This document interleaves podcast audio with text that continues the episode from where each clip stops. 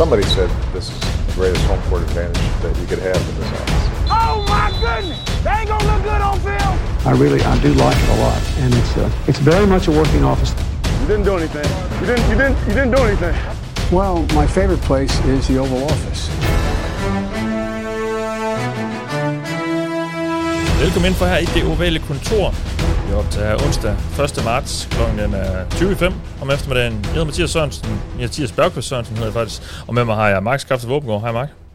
Hej Mathias. Og Anders Kaltoft er også med os hjemme i det midtjyske igen. Hej Anders. Hej Mathias.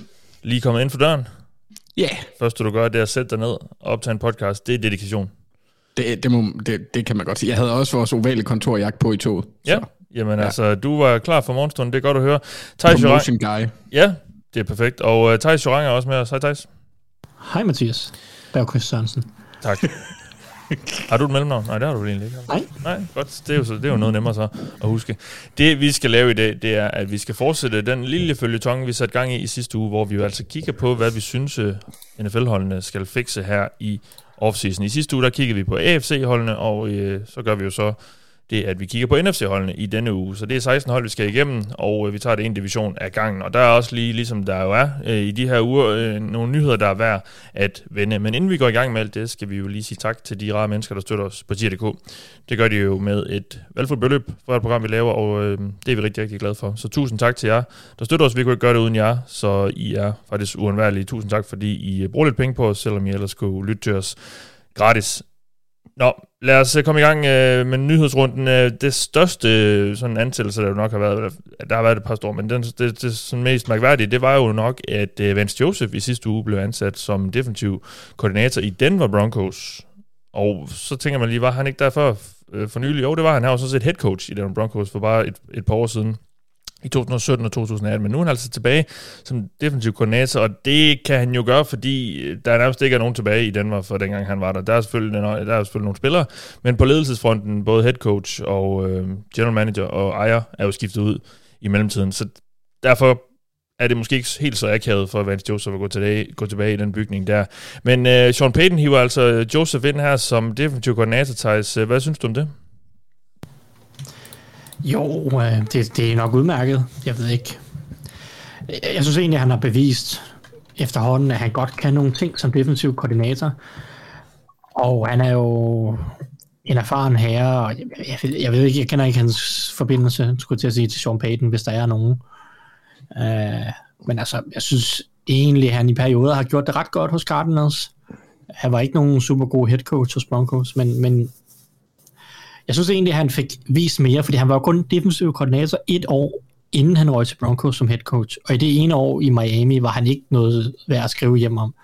Jeg synes egentlig, at han har fået bevist hos Cardinals igennem de sidste, øh, det bliver vel nærmest fire sæsoner, han har været der, øh, at han godt kan, han godt kan finde ud af noget. Han godt kan finde ud af at tilpasse sin, sit forsvar til det talentmasse, der er der, fordi jeg synes egentlig, at forsvaret ændrede karakter, som at Cardinals blev ved med at drafte de her lidt specielle og måske lidt for øh, ja, lidt, lidt for unikke typer, som Isaiah Simmons og Savin Collins, og øh, jeg synes egentlig, at han viste, at han kunne ændre forsvaret undervejs, som også profiler som Tyron Matthew og sådan noget forsvandt. Han, ikke, var, var, han må næsten have været der i... Nej, det har nok ikke været Tyron Matthew i de første par år. Nej, jeg tror, han var væk i, øh, i Kansas der. Ja, han skiftede faktisk året før. Ja, Ja. okay. Men, øh, ja, 42. Men jeg synes egentlig, at han har gjort det okay hos Arizona, så det er sikkert et fint valg. Ja. Vi må se, øh, hvad han kan gøre ved det i Danmark.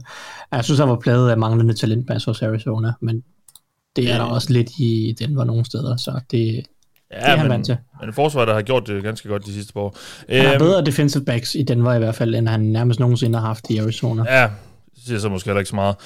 Øhm, og så skal vi lige en tur til Philadelphia, fordi de mistede jo begge deres koordinatorer efter Super Bowl. Og nu har de så ansat nogle nye. Ind på offensiv koordinator er kommet Brian Johnson. Det er ikke rigtig nogen overraskelse. Han var øh, quarterback-træner sidste sæson, og øh, det var sådan lidt det oplagte valg, og jeg så også noget med, at de nærmest kun havde... Øh, interviewet, øh, haft folk ind til jobinterview. Øh, en, en udefra fra college, hvis nok, og så kun intern. Og, så det lå lidt til, at det skulle være Brian Johnson. De har så hævet ind, ind udefra på, til at være defensiv koordinator. Det er Sean Desai, som i 2021 var defensiv koordinator i Bears, og øh, før det var, eller i sidste år var associate head coach, ikke assistant, men associate. Jeg ved ikke helt, om det er det samme om det er sådan noget assistant to the manager, regional manager, eller assistant regional manager, øh, noget de har gang i der i øh, Seattle sidste år, men øh, han var i hvert fald også, han var også defensive assistant, så altså ikke et koordinator eller noget, men, øh, men en del af Seahawks' øh, assistenttrænertrup der, og øh, Mark Sean Desai i Eagles, øh, det er sådan et halvt ubeskrevet blad. Han, han var der som sagt i Bears i sidste år, og er, så vidt jeg husker, sådan lidt en, en Vic Fangio-disciple, så de håber måske lidt på, at de kan få lidt af den magi med ind. Hvad, hvad tænker du om, om Desai her? Ja, altså jo, det, det, jeg er lidt spændt på at se det også. Altså, øh, jeg synes jo, at der var, altså, i forhold til udvikling af, af talent på Seahawks for eksempel sidste år, øh, der, der fik han jo udviklet, var med til at udvikle øh, nogle ret fremragende spillere, blandt andet til Rick Woolen, men generelt den her, den her øh, draftklasse, som de fik en masse ud af. Øh, og det, det tegner jo, kan man sige, meget godt. Øh, det er i hvert fald øh, et, øh, en person, som fortjener en chance, virker det til. Øh, og de er jo enormt... Altså, jeg så Nick Sirianni var ude og snakke om hans... Øh, han snakkede meget om det her football IQ, da han skulle beskrive det sig, og det, det, er jo, det er jo en god trade at have, og, øh, og det virker som om, at de, øh, at de håber på, at det er en koordinator, som, som de har fundet. De har fundet en, hvad hedder sådan en diamond in the rough, altså øh, lige ved at være færdig øh, poleret, og så øh, kan han forhåbentlig øh, overtage det her mandskabs, øh, som, som der er utrolig mange forventninger til stadigvæk. Det er jo, altså, det, det, er jo i top 5 over mandskaber, som man forventer øh, meget af til næste år, og så den enhed, han nu overtager, som kommer til at kræve en del arbejde øh, er stadigvæk også, så det er også en opgave, der står foran ham. Jeg synes faktisk, det er rigtig spændende. Jeg kan godt lide parringen, jeg er rigtig spændt på at se, hvordan han bliver som, øh, hvad hedder det, som defensiv koordinator hos Eagles, som i den grad kommer til at være på den store scene hele året næste år også. Ja, og igen, Brian Johnson ind som offensiv koordinator. Jeg hørte Nick Sirianni sige for nylig, at han, han heller ikke har planer om at skulle kalde spil i år, så, så det lader til, at Brian Johnson overtager det, og det er han nok også øh, rimelig god til, som han jo har været en del af det her angreb. Han kender øh, Jalen Hurts rigtig godt, og øh, det tror jeg bliver en forholdsvis smooth øh, overgang der. Øh, lidt andet trænernyt, øh, Leslie Frazier, defensive koordinator i Buffalo, han har besluttet sig for at holde fri i år det er simpelthen, han, han tager lige et år væk fra fodbold, og øh, der er ikke rigtig meldt noget ud om endnu, hvem der tager over, så, så det, det, det er sådan lidt uvist, hvad vi lige kan, kan drage konklusioner indtil videre øh, på det øh, for Buffalo, men øh, om ikke andet mangler de i hvert fald en træner, som har stået i spidsen for et ret, øh, et ret e- effektivt forsvar de sidste par år, øh, så øh, det bliver jo lidt et tab, må vi gå ud for, må ikke de promovere en eller anden assistent eller noget i den stil, det øh, må vi se her, der kommer nok en afklaring ind så længe. Der er også begyndt at blive delt nogle franchise tags ud, i hvert fald et enkelt er der blevet rapporteret indtil videre. Darren Payne, defensive tackle for Washington. Øh, hvad hedder de? Commanders, ikke Capitals, det er ishockeyholdet. Commanders har fået et øh, franchise tag, det var ganske ventet, så han rammer ikke free agency-markedet. Og så i Atlanta, der er Marcus Mariota blevet fyret. Den kan vi snakke om lige om lidt, øh, fordi øh, det er sådan lidt relevant for, hvad jeg synes, at de skal fikse i den her offseason. Så lad os bare gå i gang med det, øh, de her. Øh, lad os gå i gang med øh, det, vi samlede for netop, og komme med vores bud på, hvad den ene ting, hvad et hold skal fikse i den her offseason. Der er typisk flere, men øh, vi, nu fremhæver vi, vi altså det, som vi synes er det vigtigste øh, punkt, de skal forbedre. Og øh, vi starter i NFC West, Anders, og vi starter i San Francisco med at høre lidt om, hvad du har at sige om 49ers' offseason. Ja, jamen altså det, det, det nemme svar er jo quarterback. Øh, de skal finde ud af, hvem de kører med der. Det er jo også det, der bliver den mest interessante storyline. Og når de har to skadet QB'er og ensynligt går ud og henter en, en mere, der nok forhåbentlig ikke er skadet.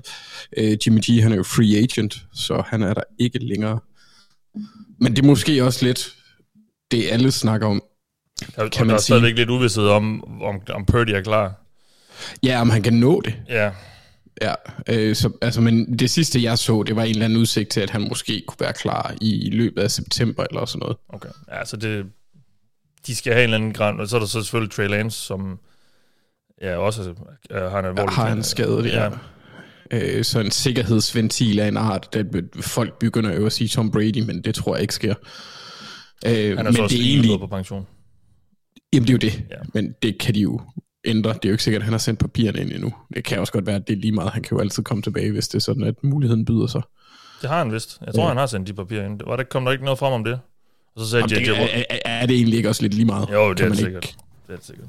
Gør et eller andet andet. Jeg synes, at Dion Sanders kom tilbage flere gange, men det kan også godt være, at han aldrig sendt papirerne ind.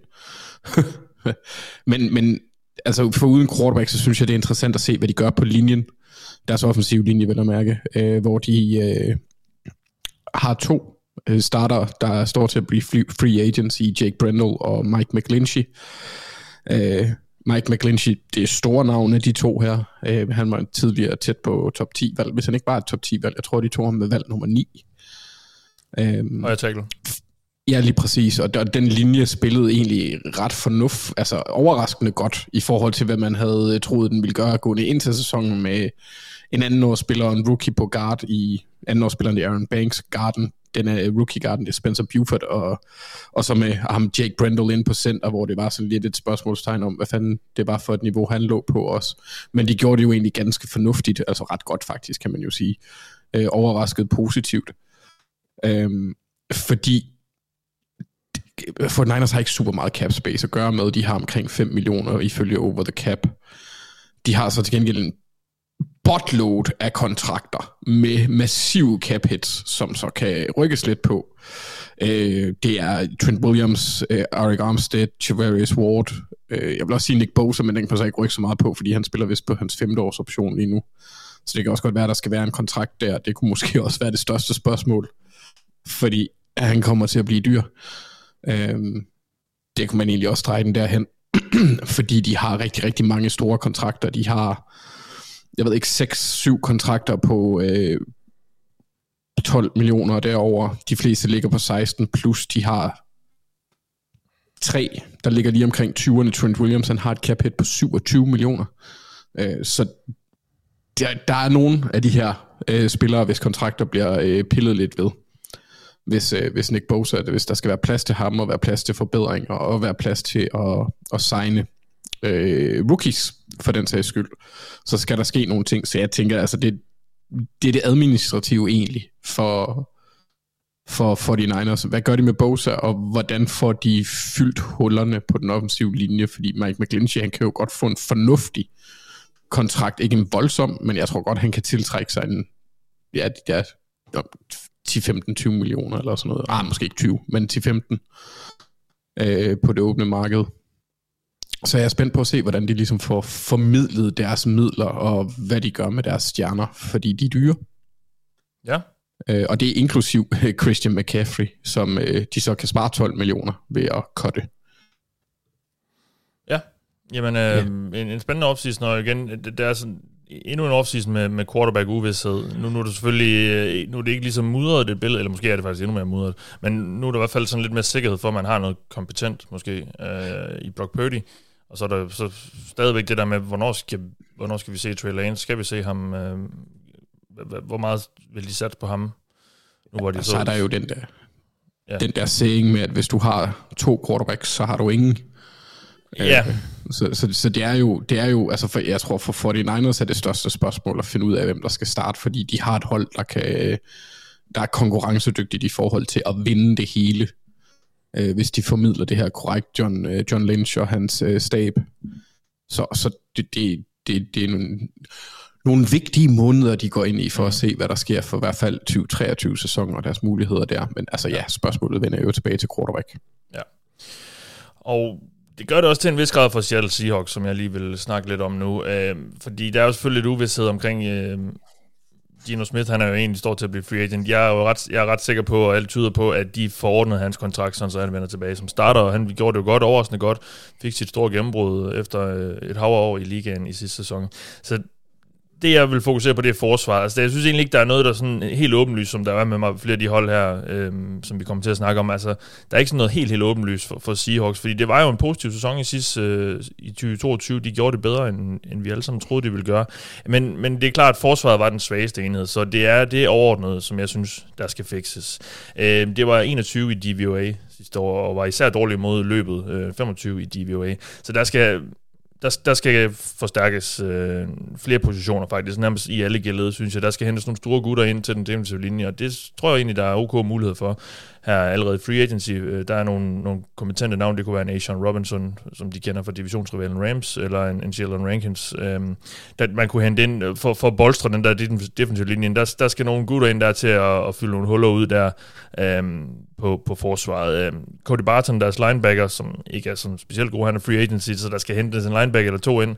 Jeg ved ikke, om der kunne være en, en Bobby Wagner reunion, øh, Bobby Wagner reunion der øhm, på vej det er jeg ikke sikker på. Øh, og så skal der nok også lige en cornerback ind til at supplere Tariq Woolen. Så det er sådan forsvaret generelt, synes jeg, som, som Seahawks skal have fikset, fordi angrebet skal nok være ret kompetent, tror jeg, Gino Smith. Jeg tror ikke, det var sådan helt tilfældigt, det vi så. Øh, nu ved jeg godt, at han var især god i, i starten af sidste sæson, og så gik det måske sådan lidt, lidt ned ad bakke, men, men det var stadigvæk kompetent, og de har nogle gode spillere der. Øh, selvfølgelig DK Metcalf og fint nok running backs og sådan noget, selvom også Richard Penny, han er, han er free agent. Um, så forsvaret skal, skal bolstres, for, for det her hold kan fortsætte med at, at fortsætte op på den her opadgående kurve, og øh, fordi det er et, et hold i en rimelig god forfatning, synes jeg egentlig. Altså lige pludselig er vi jo alle sammen ret fortrystningsfulde for, for Pete Carroll og det her Seahawks-projekt, synes jeg jo egentlig. Det er sådan en helt anden indstilling, jeg har i hvert fald har til det her hold nu, øh, her efter et år, hvor, øh, hvor de mistede Russell Wilson, og vi troede alle sammen, de, de, de ville ende med et uh, top 3 valg eller sådan noget i, i draften, men så, så gjorde de det jo godt. Så, så det her det er et hold, der er på vej fremad, og som jeg også tror har det rimelig godt med sig selv. Så det, det er forsvar, der skal forbedre så, så, så tror jeg egentlig, at uh, de kan tage et, et skridt mere, fordi det var, det var ret skidt i, uh, i stor del af sidste sæson, synes jeg. Og uh, lad os fortsætte til Arizona, Mark. Uh, der er måske lidt flere ting, der skal løses, uh, eller hvad? Øh, ja, det er der. Øh, helt klart. Og jeg havde faktisk lidt svært ved, hvordan jeg ligesom skulle gribe det an. Men, øh, men jo mere jeg ligesom fik sådan tænkt mig ned i, i de forskellige steder, forskellige positionsgrupper og så videre, så fandt jeg ud af, at det, det, det skal egentlig være lidt mere overordnet, det der skal fikses. Øh, de skal fikse deres overordnede identitet. Altså, man, jeg, jeg synes, man, kan, man, man kunne med rigtig god samvittighed pege rigtig mange steder hen og sige, her, her skal I forbedres. Men det helt store bliver for mig, at Kyler, når han på et tidspunkt kommer på banen igen, kommer ud i det her angreb, som vi må formode bliver meget anderledes, kontra hvad han nærmest har spillet i hele sin professionelle karriere. Øh, for mig er det der, det hele starter, fordi han er deres franchise. Det er, det er ham, de har, det er ham, de har betalt pengene, det er ham, der er blevet tilbage efter trænerskiftene. Øh, deres drømme om en potentiel Super Bowl, og den første Super Bowl i ørkenen, den starter og slutter nok også med ham. Og i år ligger de op til, at der skal komme noget helt nyt. Og igen, der mangler generelt set talent ret meget hele vejen rundt. Jeg siger ikke, de kan gå ud og vinde i år, det, det tror jeg ikke, de kan. Øhm, og, og, men, men samtidig vil jeg så sige, på grund af al den talentmangel, der mangler, så er det også det svært for den nye trænerstab at gøre noget, så hvad kan man sige, decideret forkert, i hvert fald med, hvad kan man sige, spillerne på banen. Det, som jeg bliver interesseret i, det er, kan de på en eller anden måde forløse Kyler Murray, som er det, vi har snakket om så længe, om der er nogen, der kan, på en måde, der måske bare lover godt for næste sæson igen, hvor han så forhåbentlig er helt skadesfri, øh, så har Cardinals en mulighed for at vende det her om og stadigvæk køre det her projekt med Kyler Murray og være hvad kan man sige, relevant det også for, for andre spillere, der skal, ligesom skal tiltrækkes til klubben og så videre. Fordi det er lidt det, som jeg synes Cardinals har været inde i. De har været nede i en slump, hvor at, jeg synes ikke, der er nogen, der vil røre ved dem. Altså, øh, og, øh, og det er egentlig en ret hurtigt turnaround fra at være et ret spændende hold med en ung stjerne quarterback til, øh, til der, hvor de har været nu. Og, og nu skal der ske noget helt nyt, og, og de har jo gjort det rigtige det har bare taget for lang tid. De har fået nye coaches ind, øhm, og, og nu skal der skabes en anden identitet end den, der har været indtil videre, så skal man bare håbe på, at det ikke er for sent, og at det, man har ansat nu, har den rigtige vision for holdet. Og, og jeg synes jo, det er et meget større genopbygningsprojekt, end, end der måske lige bliver givet udtryk for øh, i medier og så videre. Altså det, jeg synes ikke, man snakker så meget om Cardinals som et, et fuldt rebuild. Det anser jeg der. Jeg er godt klar over, at de har Kyler Murray, men og det starter også med ham, men det er stadigvæk et rebuild uden omkring ham, og, øh, og der skal skabes noget nyt. Hvis der skal skabes noget, vi ikke har set før, og han skal, vi skal se, at de kan forløse ham på en eller anden måde. Ja, og der, der skal jo også der skal jo vildt også nogle nye ansigter på banen. Altså, to af deres største stjerner, det er Andrew Hopkins og J.J. Watt, er med al sandsynlighed fortid. Watt er jo, fordi han er gået på pension. Watkins bliver, tror vi, helt sikkert uh, traded. Så det, det, det skal sådan helt rebrandes, det her hold, synes jeg sådan lidt, øh, efter de sidste par år, hvor det har været noget, øh, ja, noget lidt rodet noget, synes jeg. Altså, de har sådan været lidt all in, men så alligevel øh, ikke helt, og det er bare slet ikke rigtig gået øh, godt og sådan noget. Altså, det, de, de burde starte nej, nej. ret meget forfra, og så bare beholde Kyler, og det, det ved jeg så, det er jo så også lidt det, de gør nu med, med at hive Gannon ind, øh, og i stedet for Kingsbury og sådan noget. Så ja, der, der, der skal virkelig startes meget forfra. Altså det eneste, man kan klandre organisationen for indtil videre, det er, at de var for sent ude. Så de fyrede deres træner for sent. Ja. Uh, men altså, det er jo nemt at være bagklog. Jeg vil så sige, vi har jo så sagt det længe, men altså, det er ligesom det eneste, jeg sådan kan se nu, og nu, nu, nu tror jeg, det bliver svært rigtigt at gøre de helt store øh, fejl. Spørgsmålet er bare, om det er de rigtige mennesker, der er ansat, om de kan forløse Kyler, og, og det, det er det, der bliver spændende at se. Så jeg synes, det, de, de skal helt overall, det er en meget tungere, det er et meget dybere hul, der skal graves op af her, det er en meget tungere opgave, de har, end bare at sige, de skal have nogle nye cornerbacks, eller øh, deres o skal lige blive lidt bedre, eller sådan. Nej, nej, altså, det, det, sådan er det ikke, når vi snakker Cardinals. Mm de skal, de skal blive et attraktivt hold igen, både for, for free agents og andre spillere, men også bare generelt for dem selv og for ligaen og for deres fans og alt sådan noget. De, er, de har virkelig været gravet ned nu, og øh, ja, jeg, jeg vil håbe for dem og for deres fanbase, at vi kommer til at se noget fra Kyler i, allerede i år, som giver håb for, at, øh, at han har en fremtid som den superstjerne, man har projekteret ham til at, at skulle være i NFL. Ja. Godt, og lad os så slutte af her i Vesten med at høre om uh, Rams, Thijs. Ja, og det, det er jo... Det er jo sjovt for et hold, der vandt Super Bowl for 12 måneder siden, at skulle sige det her, men det er et hold, som skal bygge hele ryggraden på holdet op igen. Mm. Det, det, det, det er et hold, der er simpelthen kollapset omkring dem selv, øh, på den, efter den, på den, ud fra den måde, de har valgt at bygge holdet op omkring, eller bygge, bygge holdet op på. Det, det, Rams har jo valgt at bygge holdet på en måde, hvor at, at de gik all in og mere til på en eller anden måde. De, de satte så meget, at hvis det ikke lykkedes, så ville det falde fuldstændig, fuldstændig fra hinanden. Man kan sige, det lykkedes så for dem i den ene sæson. Øh, og, og, og man kan jo sige, det er jo... Det, det, så er det jo det hele værd. Ja, så er det jo det hele værd. Altså, de, de vandt den Super Bowl. Og, og det, er jo, det er jo fantastisk. Det er jo, det er jo fedt at se et hold, der satser så vanvittigt meget, og så rent faktisk lykkes med det. Men vi så så også i 2022 bagsiden af medaljen, eller hvad der sker, når det så ikke lige lykkes. Fordi så er det bare et hold, der falder fra hinanden, og ikke har nogen ryggrad. Og nu er du så i en situation, hvor at, at nogle af de spillere, som bare, bare der til Super Bowl-sejren blandt andet, de er lidt op i årene, der er måske nogle spørgsmålstegn omkring nogle af deres kontrakter, som du har bygget på en måde, som skulle toppe for to år siden, og nu begynder det at blive dyrt, der begynder at blive svært og alt muligt. Og, og nu står du i en situation, hvor at, at jeg tror, det er svært for Rams at gå all in. Det, det kan, jeg tror ikke, de kan gøre det samme. De kan ikke satse det hele igen på et bræt. Uh, så, så jeg tror meget mere, at det her det bliver et forsøg på at lidt mere organisk bygge holdet op. Øh, de kan stadig trække veksler på nogle af deres gode spillere, Aaron Donald øh, og, og, og Matthew Stafford selvfølgelig, øh, som, som, som to af de absolut største stjerner, Cooper Cup, som vi se, om Jalen Ramsey stadig er på holdet næste år, eller om han bliver traded. Ja, som der er rygter om, ja. Men den ryggrad, der mangler på holdet, det er deres defensive linje og deres offensive linje. Deres offensive linje er ikke god nok, og har ikke, var ikke god nok sidste år der mangler talent på tackle, på guard, på center, kunne de endda også opgradere. Øh, der, der skal de have en talentindsprøjtning på den defensive linje. Øh, ved siden af Aaron Donald, udover Aaron Donald, så, så, så var der alt for få øh, habile spillere. Jo egentlig, altså Greg Gaines, synes jeg egentlig spillede en hederlig sæson, men han er så free agent nu. Så, så spørgsmålet er, om han også er på næste år, men ellers Leonard Floyd var en skuffelse. De fik aldrig erstattet Von Miller, som vi snakkede om. Øh, der mangler en defensiv tackle ud over Aaron Donald, øh, især hvis Greg Gaines og, og Ashawn Robinson øh, forsvinder, som er free agents. Så du skal jo have tre til fire nye defensive linjespillere med øh, starterkvaliteter på en eller anden måde. Ja. Og, og på, på den offensive linje vil jeg også gerne se mindst to investeringer med starterkvalitet. Det er den ryggrad på holdet, som jeg synes mangler, og det er den ryggrad på holdet, som jeg, jeg håber, at, at de vil fokusere på at prøve at bygge op i, uh, i den, i den kommende, ja, her, i den her offseason.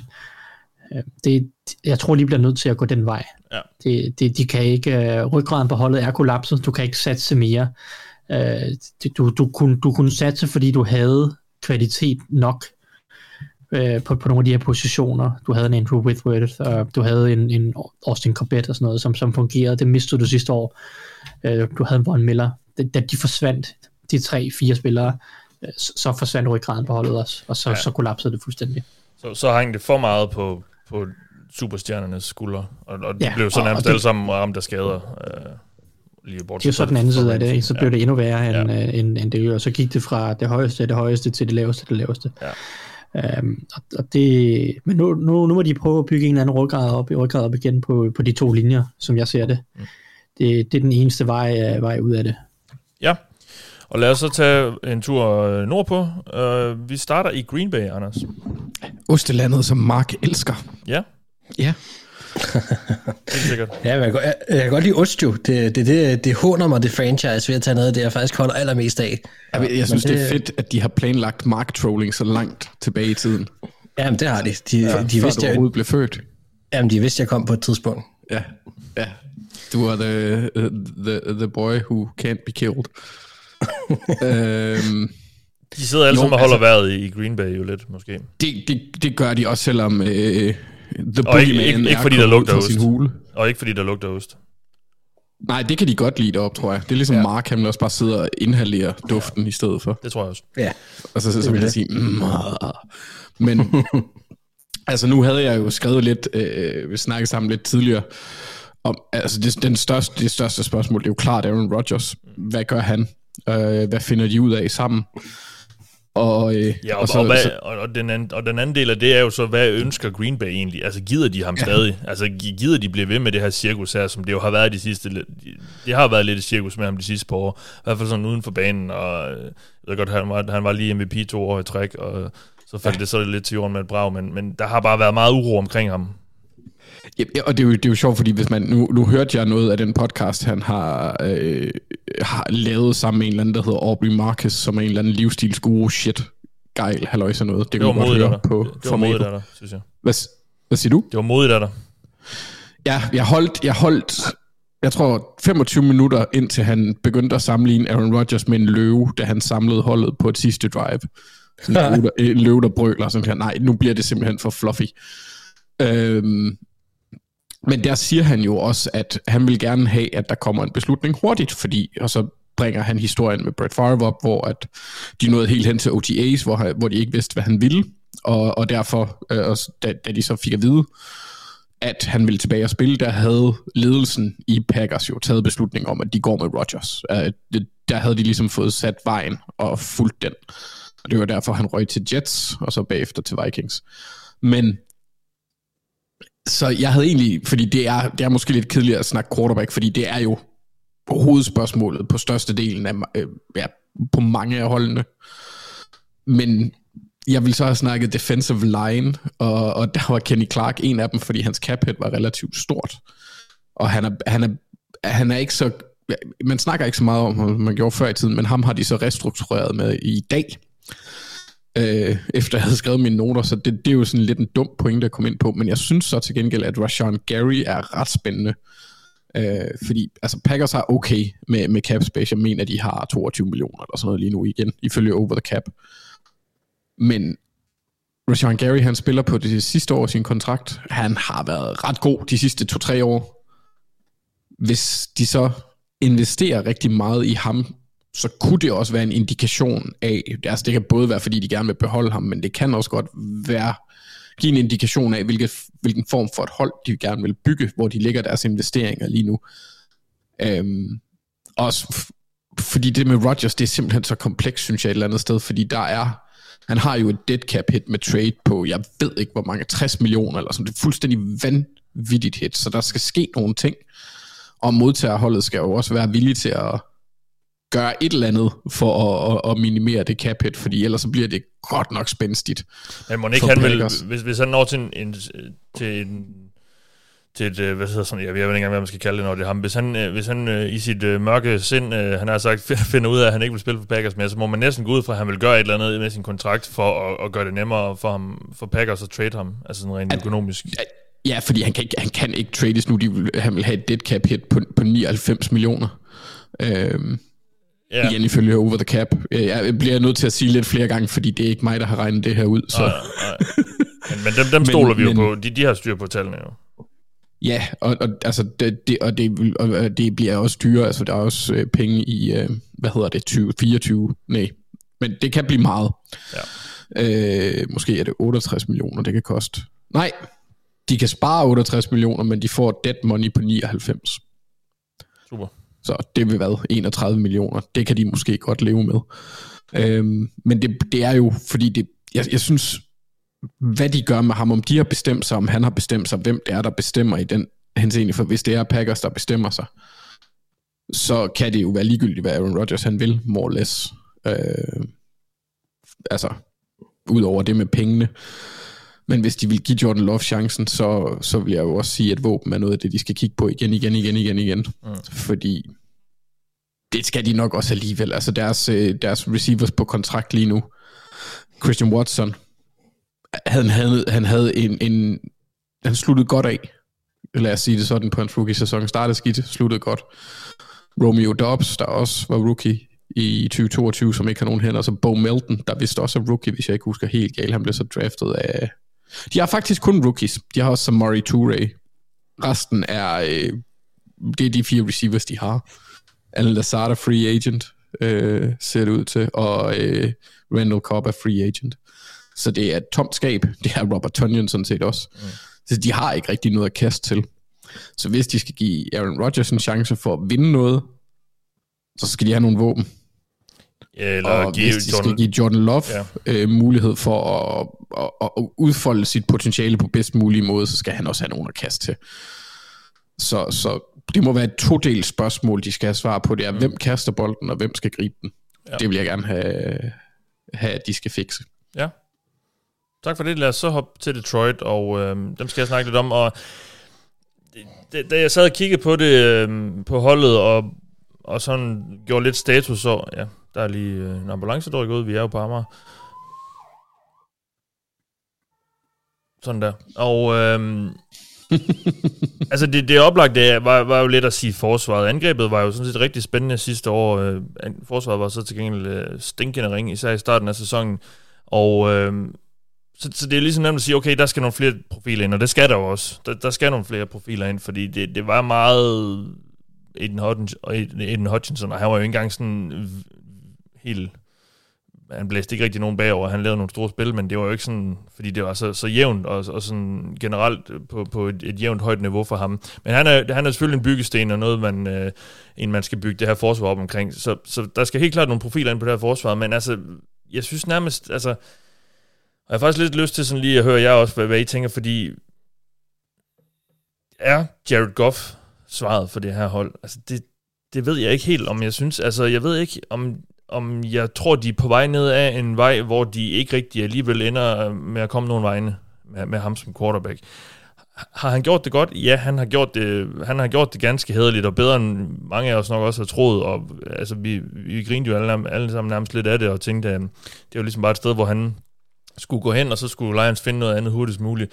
Men nu har han gjort det så godt, så de måske tøver lidt i den retning, tror jeg, eller det er jeg lidt bange for, så, så jeg er sådan lige ved nemmest at sige, at det, vigtigste for dem at, at fikse i den her offseason, det er, hvad de vil på quarterback, fordi jeg tror jo ikke, at Goff er svaret. Altså, han er ikke manden, der skal føre det her Lions-hold til, til ja, først og fremmest slutspillet jo, det har de ikke været i mange år, men altså, altså føre dem til noget stort. Det, det tror jeg bare ikke, han er, og de har det her sjette valg i draften, altså de har et topvalg, det burde de kunne få en af de her top quarterbacks med der er i år. Der er sådan lige en fire stykker, hvis nok, det skal vi nok komme, komme til at snakke mere om.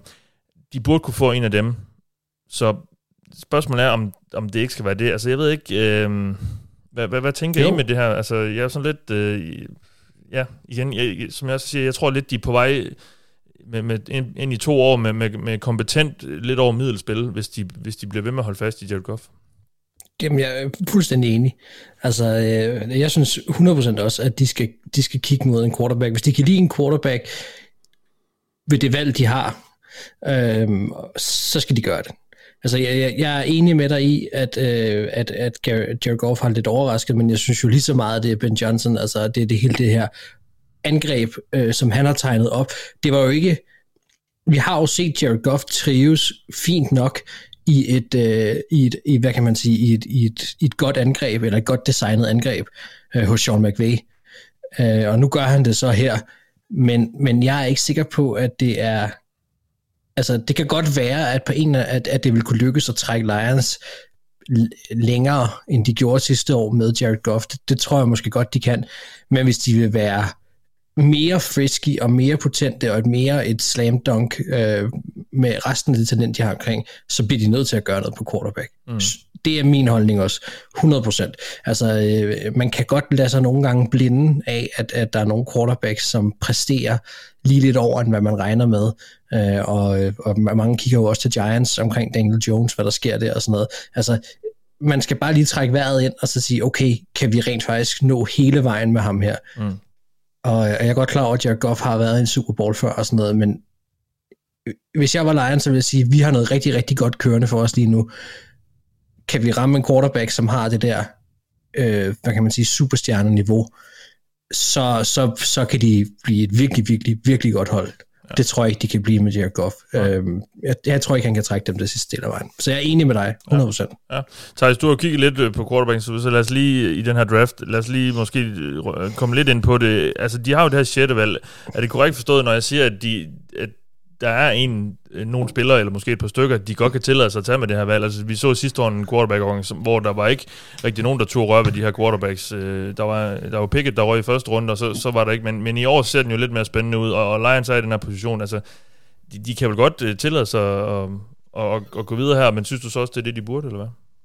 Jamen altså, jeg synes, der er quarterbacks, der, der er værd at, at tage i top 10 i år. Ja. Der er nok tre quarterbacks, jeg vil tage i top 10, og så yderligere en, jeg vil tage i første runde.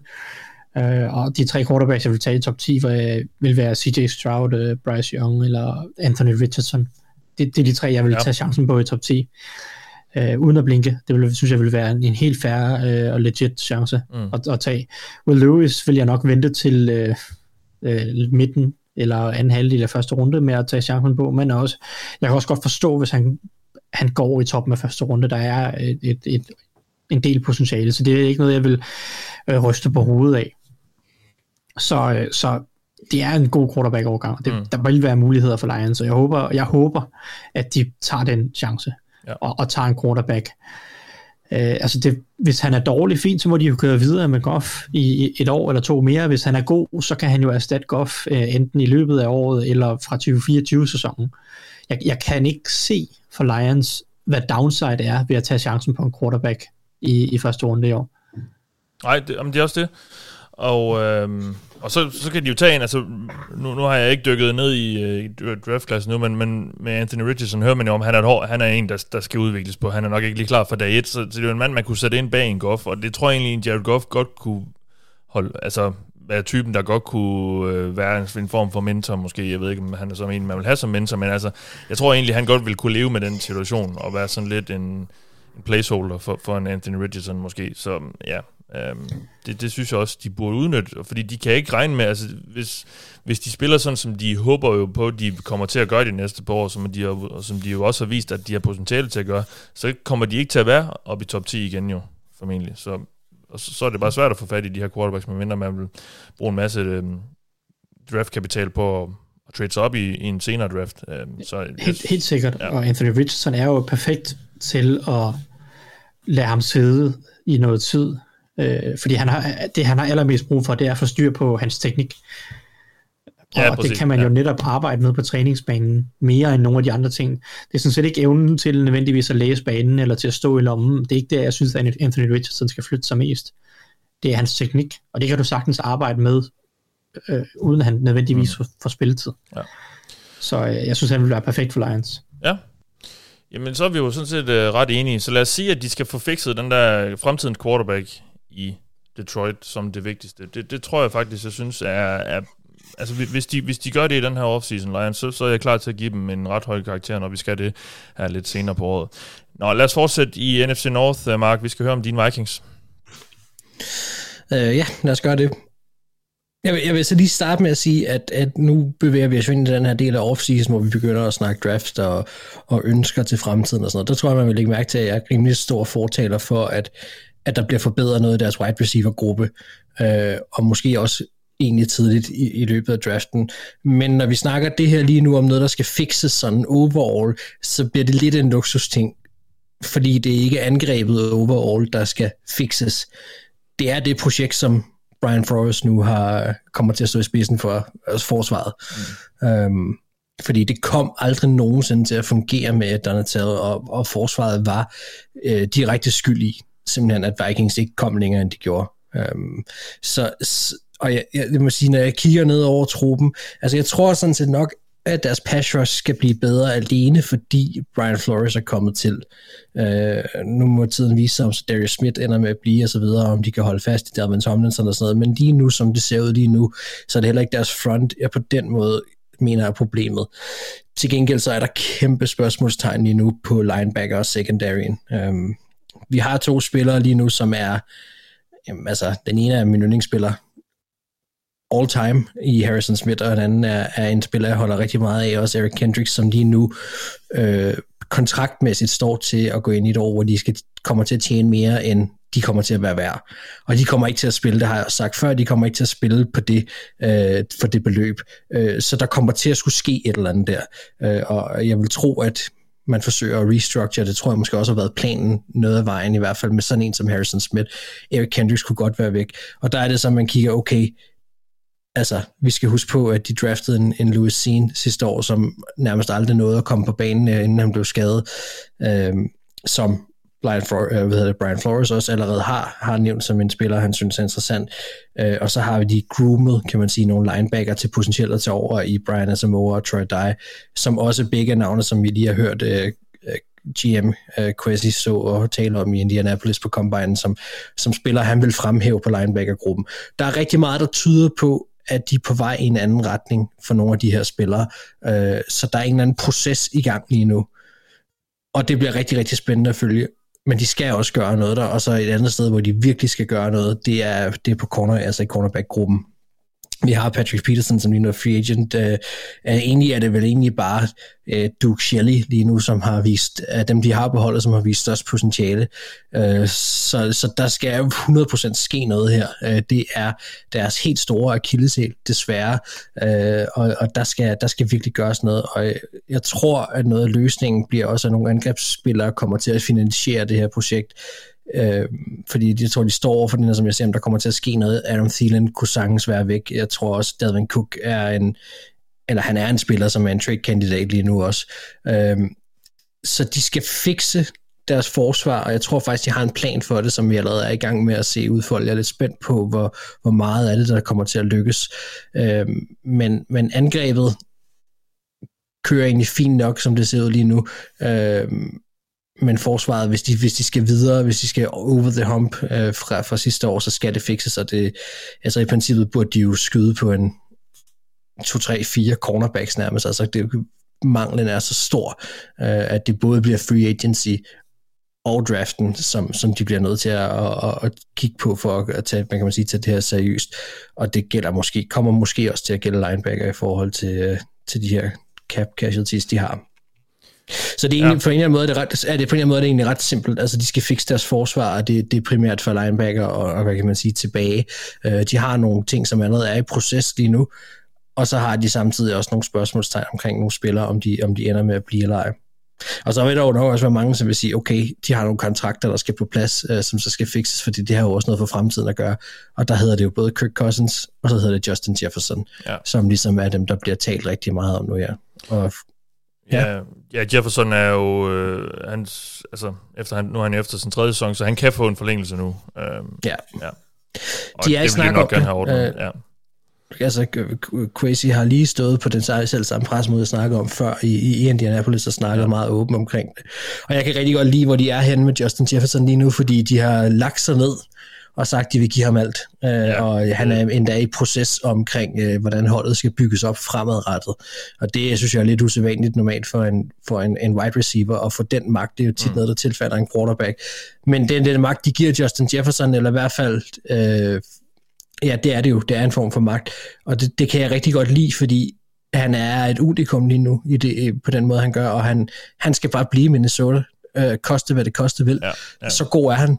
Og, øh, og det er rigtig, rigtig vigtigt, at der ikke opstår, øh, opstår et eller andet internt øh, fnider omkring, øh, hvad vil han, og hvad han vil han ikke, og så videre. Nu virker han ret fornuftig, men man kan jo blive overrasket.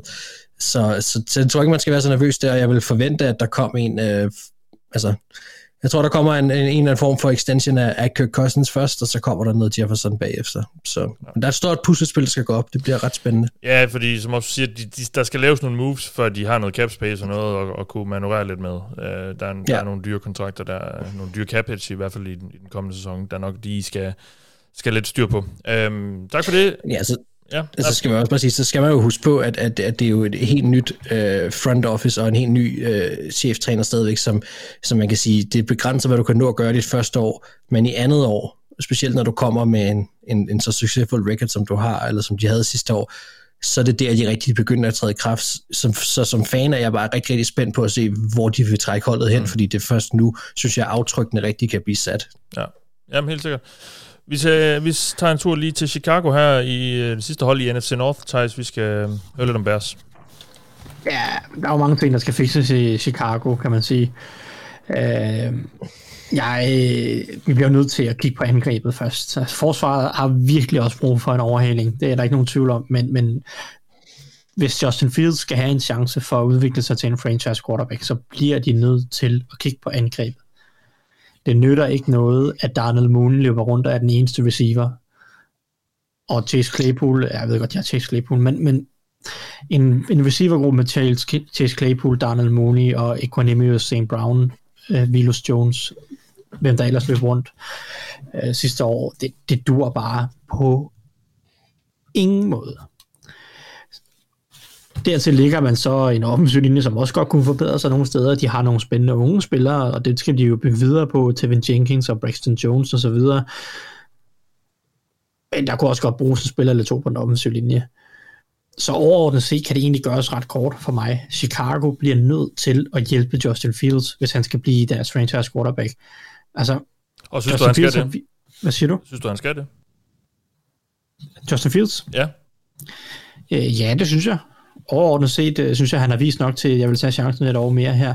Jeg kan jo... godt forstå dem, der, altså, dem, der overvejer at drafte en quarterback, og hvis de får et mega godt tilbud fra Justin Fields, hvilket jeg ikke tror, de gør, og derfor synes jeg, de skal holde på ham, men hvis de får et mega godt tilbud fra Justin Fields, øh, så fair nok, så kunne jeg godt overveje at trade ham, og så tage, hvis man er vild med en quarterback i draften, det giver god mening. Det er ikke fordi Justin Fields har vist så meget, at, at man overhovedet ikke kan forsvare at trade ham. Fordi Justin Fields har vist masser af potentiale, men han har også stadig vist øh, mangler i kastespillet. Uh, og, og jeg vil ønske, at Justin Fields havde vist mere i kastespillet her på de første to år. Og spørgsmålet er så, om det er ham, der har nogle begrænsninger, eller om det er fordi, han ikke er blevet hjulpet på vej af et dårligt trænerstab og øh, manglende talent omkring ham. Det er så den del, jeg vil prøve at fikse i år, hvis man holder fast i Justin Fields. Øh, men ja, jeg kan sagtens forstå, at man snakker om at trade ham, og det, hvis jeg var GM, så ville jeg også seriøst overveje det og høre på, hvilke bud man kunne få. Øh, alt andet ja. ville være uansvarligt. Ja. Ja. Så. Og, det, ja. og det er jo et hold med uanede mængder penge. Altså, de har jo nærmest altså, ingen store kontrakter. Så, så de skal det, ud og hente 22 starter nærmest ja, til free agency. Altså, ja. det er lige før. Uh, det, det, skal de selvfølgelig ikke, men, men du, jeg kan ikke pege på en spiller på det forsvar, som, jo, Jaquan Brisker og Jalen Johnson. Resten kan man egentlig hente starter, så de kan hente ni starter på forsvaret. ja. Og så øh, derudover et par offensive linjefolk og en receiver eller to. Ikke? Det, det er ja. sådan lidt der, de er, men som du siger, øh, masser af draftvalg, blandt andet first overall, mm. og så øh, simpelthen spandevis af, af, af penge, øh, hvad hedder det, i, til at, at bruge i free agency. Mm. Så, så der skal nok ske kæmpe store ændringer i Chicago i år, og det bliver super spændende at se, hvad, hvad de ligesom får strikket sammen øh, i den her kæmpe lange, øh, hvad hedder det, komplekse proces, hvor de skal ud og hente så mange nye spillere. Ja. Men jeg vil virkelig gerne have, hvis de kunne give Justin Fields noget mere hjælp. Det er, det er det, der skal til, hvis han skal blive til noget. Det er ikke sikkert, at han bliver til noget med mere hjælp. Men hvis han skal blive til noget, så skal han have mere hjælp. Ja. Øh, og, det, og det er der, jeg vil starte. Vi hopper just på nu til den, øh, ja, det var jo sådan set den stærkeste division sidste år i NFL, uh, NFC East. Og uh, vi skal starte med at høre om New York Giants, Anders. Ja, og øh, de har jo øh, faktisk en del ting, der skal fikses. så så, det, så det, det er ret nemt. Jeg kunne tage Daniel Jones, Ja. jeg kunne tage Saquon Barkley. Øh, det, det burde jeg nok i hvert fald tage Daniel Jones som udgangspunkt, fordi hovedpunktet også, hvis man kigger, kan du nævne, lad os sige, tre receivers, som Giants har på kontrakt lige nu? Uh, Fordi hvis du kan, så nævner du dem alle sammen. Ja, altså Hutchins er vel... Ja, Ja, så tog de en lille, lille rookie og sidste One, år. One Dale, ja. Ja, one day. Og så, Og den, den sidste får du ikke, det tror jeg ikke. Nej. Det, det er Colin Johnson. Ja, Tidligere, Texas. Ja, Ja. tidligere Texas Ja, okay. og Lang, Jaguars. lang receiver. Meget høj. I, ikke, ikke så forfærdeligt meget andet. Men altså Sterling Shepard, Richie James, Darius Slayton, Marcus Johnson, alt hvad du... Altså det er jo heller ikke lige frem, fordi det er store navne i forvejen. Darius Slayton er jo den største. De er free agents.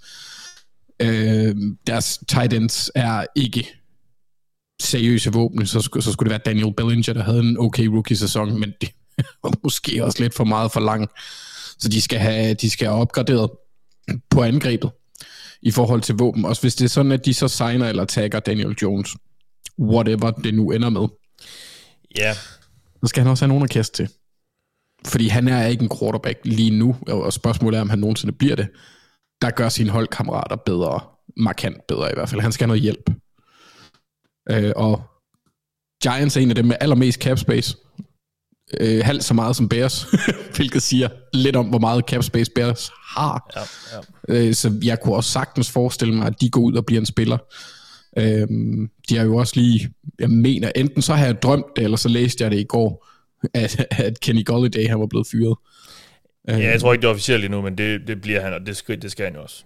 Ja, så der, der sparer de 6 millioner eller sådan noget på, på kappen. Øhm, men altså, det er jo et tomt våbenskab, og hvis Saquon han så heller ikke bliver, så er det bare endnu tommere. Øh, så har de Gary Brightwell. Så der skal, der, der, der kan, i, i, i New York kan der ligesom i Chicago komme til at ske rigtig meget. Øh, de er ikke lige så dårligt stillet på forsvaret, så det er, det er den offensive side af bolden lige nu, jeg vil have fokus på. Øh, fordi deres free agents og deres kæmpe mangler, øh, linebacker og corners, øh, hvor, de, hvor de godt kunne bruge noget hjælp. Øh, men, men det er, det er angrebet. De bliver nødt til, hvis de ender med at give Daniel Jones en, en kontrakt, så bliver de nødt til at gøre, hvad de kan, for at sikre sig, at han har de bedste arbejdsbetingelser som overhovedet muligt. Så de skal have fikset våbengruppen, vil jeg sige. Ikke kun receiver, men tight end, running back. Ja. Man kunne også sige quarterback. Jamen, Altså, det, jamen det er jo lidt det, det. fordi jeg er sådan lidt... Jeg synes faktisk, det er et rigtig interessant hold, Giants nu, fordi de, de overraskede os jo sidste år, det ser spændende ud med Brian Dable som head coach og, og sådan noget, men øh, nu skal de tage et valg her med, med Daniel Jones, og han vil efter sine have en hel masse penge, og de er sådan lidt, de er jo nødsaget til at, at skulle forlænge ham, altså, nej, de kan selvfølgelig tage ham, men altså, de, de sagde jo nej til den der 50 option, det var så det tidligere regime, men altså, jeg synes, det er sådan lidt, øh, og, og det hører man jo også i forskellige, hvis man hører det amerikanske podcast, det er jo sådan noget, altså, hvad fanden skal de lige gøre? Fordi øh, de tror jo, de tror formentlig ikke nok på Jones til at vil give ham en lang kontrakt, og det skal de, og det vil også være rimelig tåbeligt i mine øjne, hvis de gjorde det. Ja, ja. Men, men, men vil man så give ham øh, 35-40 millioner i, for sådan et år, eller en eller anden toårig kontrakt med, øh, ja, det ved jeg ikke, øh, 70 samlet, eller sådan, ja, ja, altså, Mm. fordi han er jo ikke, han er jo med al sandsynlighed ikke manden, der skal, der, han, han bliver aldrig en top quarterback i NFL, er jeg ret sikker på. Øhm, og så, hvad, hvad skal man så? Skal man så ikke bare rive plasteret af, og så starte lidt forfra? Og, og kan man så det med det her hold, som, som begynder at tro på tingene måske og sådan noget? Jeg synes, det er, det er en lidt svær situation, de står i. Ja, det er det bestemt, og det er jo også, også fordi, hvis Daniel Jones, jeg, jeg, jeg er enig med dig, jeg tror heller ikke på, at han bliver en elite quarterback. Han kan godt blive en top 15 quarterback. Øh, hvis han ikke allerede ja er det kan han måske godt også, fordi nu så vi jo så, hvad han kunne gøre med, med nogle ja, no-names. Ja, men nu, ja, og det var endda også, altså sidste år havde de jo heller ingen våben. Øh, Wandale Robinson blev også skadet ret tidligt, og altså Isaiah Hodgins, spillede for Buffalo, øh, inden de hentede ham. Øh, så det, det var jo også et problem der. Så det, jeg tænker, de er rimelig klar over, altså det, det er de nok rimelig ops på. Men hvis det er sådan, at de giver ham en stor kontrakt også, så, altså, så, så hæmmer det også bare holdets muligheder for at nå toppen. Altså det kan godt være, at man, der kan man Det er næsten unfair, fordi det- Andy Dalton var egentlig en god quarterback. Ja. Men man ender som Bengals under Dalton, hvor du måske vinder en playoff-kamp, hvis du er heldig, øh, og ikke møder Texans. Øh, hvilket Giants aldrig gør i playoffs. Så øh, Altså, jeg tror Så- aldrig, han vil få sådan en, en stor kontrakt. Det jeg tror, at max det vil være sådan noget tre år, og så er det måske de første to sådan lidt semi-garanteret-agtige. Altså, Mm. jeg, jeg, jeg, kan, jeg kan næsten ikke forestille mig, at de vil komme sig til ham ret længe. Men, men, men det er så også det der med, kan man så bare nøjes med, han, han vil jo aldrig skrive under på en etårig kontrakt, og så, så skal de tagge ham ligesom. Og, og hvad, så skubber, skubber de så bare, øh, altså, jeg tror min anke er lidt det der, så skubber de bare hele det der ægte rebuild lidt et længere år, år længere ud. de udsætter beslutningen. Ja, på en eller anden måde. Altså, ja, præcis. Hvorfor så ikke bare De, tage de, den pis, de beslutning pisser nu? i bukserne, Mathias, det er det, du siger. Ja, det er faktisk det, jeg siger, for at holde sig varm. Og det gør de så i et kort øjeblik, og så bliver det så koldt og, lugt, og ildelugtende bagefter. Formentlig. Og, altså, man kunne også godt se den situation, hvor de faktisk lærer Daniel Jones testmarkedet for at se, hvad han kan få derude. Ja. Øh, fordi jeg tror, han bliver overrasket. Øhm, Ja. fordi der er alligevel en del quarterbacks efterhånden, hvis vi, øh, altså Carr, Rodgers, Lamar er en mulighed måske. Altså, mm. der, er- der er rigtig mange efterhånden, som man... Sagde du virkelig altså, lige det? Men jeg bliver nødt til at acceptere, at det, det, der, det, det, det er en mulighed, som, som vi også kom ind på ja. i sidste Ja. uge. Ja. Jeg kan ikke lide det. Jeg, kan, jeg, vil, jeg vil ikke rigtig acceptere det. Nej. Men, men den, den eksisterer. Ja, det, det, må, den jo, det må vi jo sige. Ja, jamen, ja. det, det kan godt være, de skal det. Altså, lad ham gå på markedet. Så, så er der så frygten for, at han signer et andet sted. Og hvad skal de så? Jamen, så har de uh, Terod Taylor. Og så, øh, ja, og hvad så? Altså, det er jo måske lige så godt. Altså, så, det er jo lidt sådan lidt den samme løsning, måske på en eller anden måde. Jeg ved godt, han, der er endnu mindre fremtid i ham. Men, mm. øhm, ja, altså, jeg tror egentlig...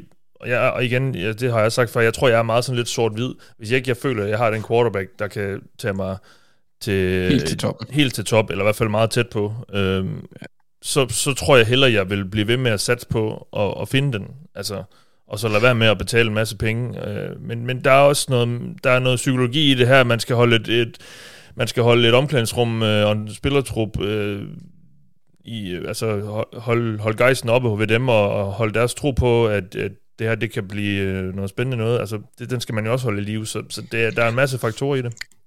Skal de, ja. ikke, bare, skal de ikke bare satse, eller den, den historie, de skal have forklaret til de spillere for at holde den gejst oppe, det er, at Brian Dabble er manden, ikke Daniel Jones. Mm, jo, ja. Altså, jeg tror, godt, de, jeg tror godt, de ved, at Daniel Jones ikke er the man. Jamen, det er det, jeg mener, Ja, men, men også, det er også, nå, men det er bare for at sige, det, det er ikke, øh, jeg synes jo også, at man skal tænke på, at man spiller værdifulde år med Brian Dabble, så længe du har Daniel Jones. Fordi jeg vil 100 gange hellere se Ja. ham udvikle, udvikle en ny øh, quarterback, eller få et større talent ind, øh, fordi han er også en, en unik, dygtig træner, som kan rigtig, rigtig mange spændende ting lige nu. Men han, men, han skrider men, jo ikke nogen vejen. Altså, han, han er der jo... Nej, Nej, nej, han bliver men, mindre atletisk med alderen, Mathias. Ja, men, ja, ja. men altså... men der, kan, der kan ske mange ting, og så, så lige pludselig så har de en dårlig sæson, og så skal man fyre nogen, og så kan det være, det bliver ham eller et eller andet. I don't know. Der kan ske mange ting. Jeg synes bare, at det er spild af tid, når du har en så dygtig træner også, som kan arbejde med en quarterback på den måde, han kan, hvis, hvis, hvis man spiller det på Daniel Jones. Mm. Altså, og så må jeg så også sige, at hvis Daniel Jones på nogen måde, enten i Giants eller et andet sted, får en kontrakt tilsvarende det, han gerne vil have, så håber jeg, at han sender en, en, en 15-20% til Donatel, fordi så er det ham, der har skaffet ham de penge. fordi det vi, det, vi så i den kamp, det vil være der, han tjener sine penge, og det er men der kan du snakke fraud. Altså, er du sindssyg, mand. Man glemmer lige pludselig, hvordan han har spillet de fire år op til, ikke? Nå, jamen altså, Giants Vikings var jo fraudball. Fraudball. Øh, Det var det, vi hele tiden har sagt, Mark. Ja. Jamen, ja, altså... Øh, ja, og, og tagger man så Jones, så er Saquon jo nok væk og sådan noget. Og ja, altså, det, det er sådan lidt... Og han er jo et stort navn, øh, en stor stjerne, men også running back, og man, vil jo, man skal ikke give dem mange penge. Det skal man bare ikke. Altså, også Jeg, selvom jeg tror næsten, han er nemmere at forlænge med, end han er, end end Daniel Jones. Fordi Ja. der er nogle, nogle, Ja, nogle det øh, øh, hvad hedder det, eksterne ting, der gør, at han kan, han kan jo tjene kassen i New York, som, på grund af, at han er en stor stjerne. Ja, ja. Men, men de, de, skal ikke, de skal ikke betale ham sådan 11-12 om året, 15-13. Jeg ved ikke, hvor meget det bliver. Men, 11-12 vil jeg godt kunne acceptere, når de har så meget plads. Men det, er jo også an, det kommer an på, hvor deres plan er. Altså, fordi jeg, jeg vil aldrig kunne acceptere det. Slet ikke med de, alle de andre mangler, de har.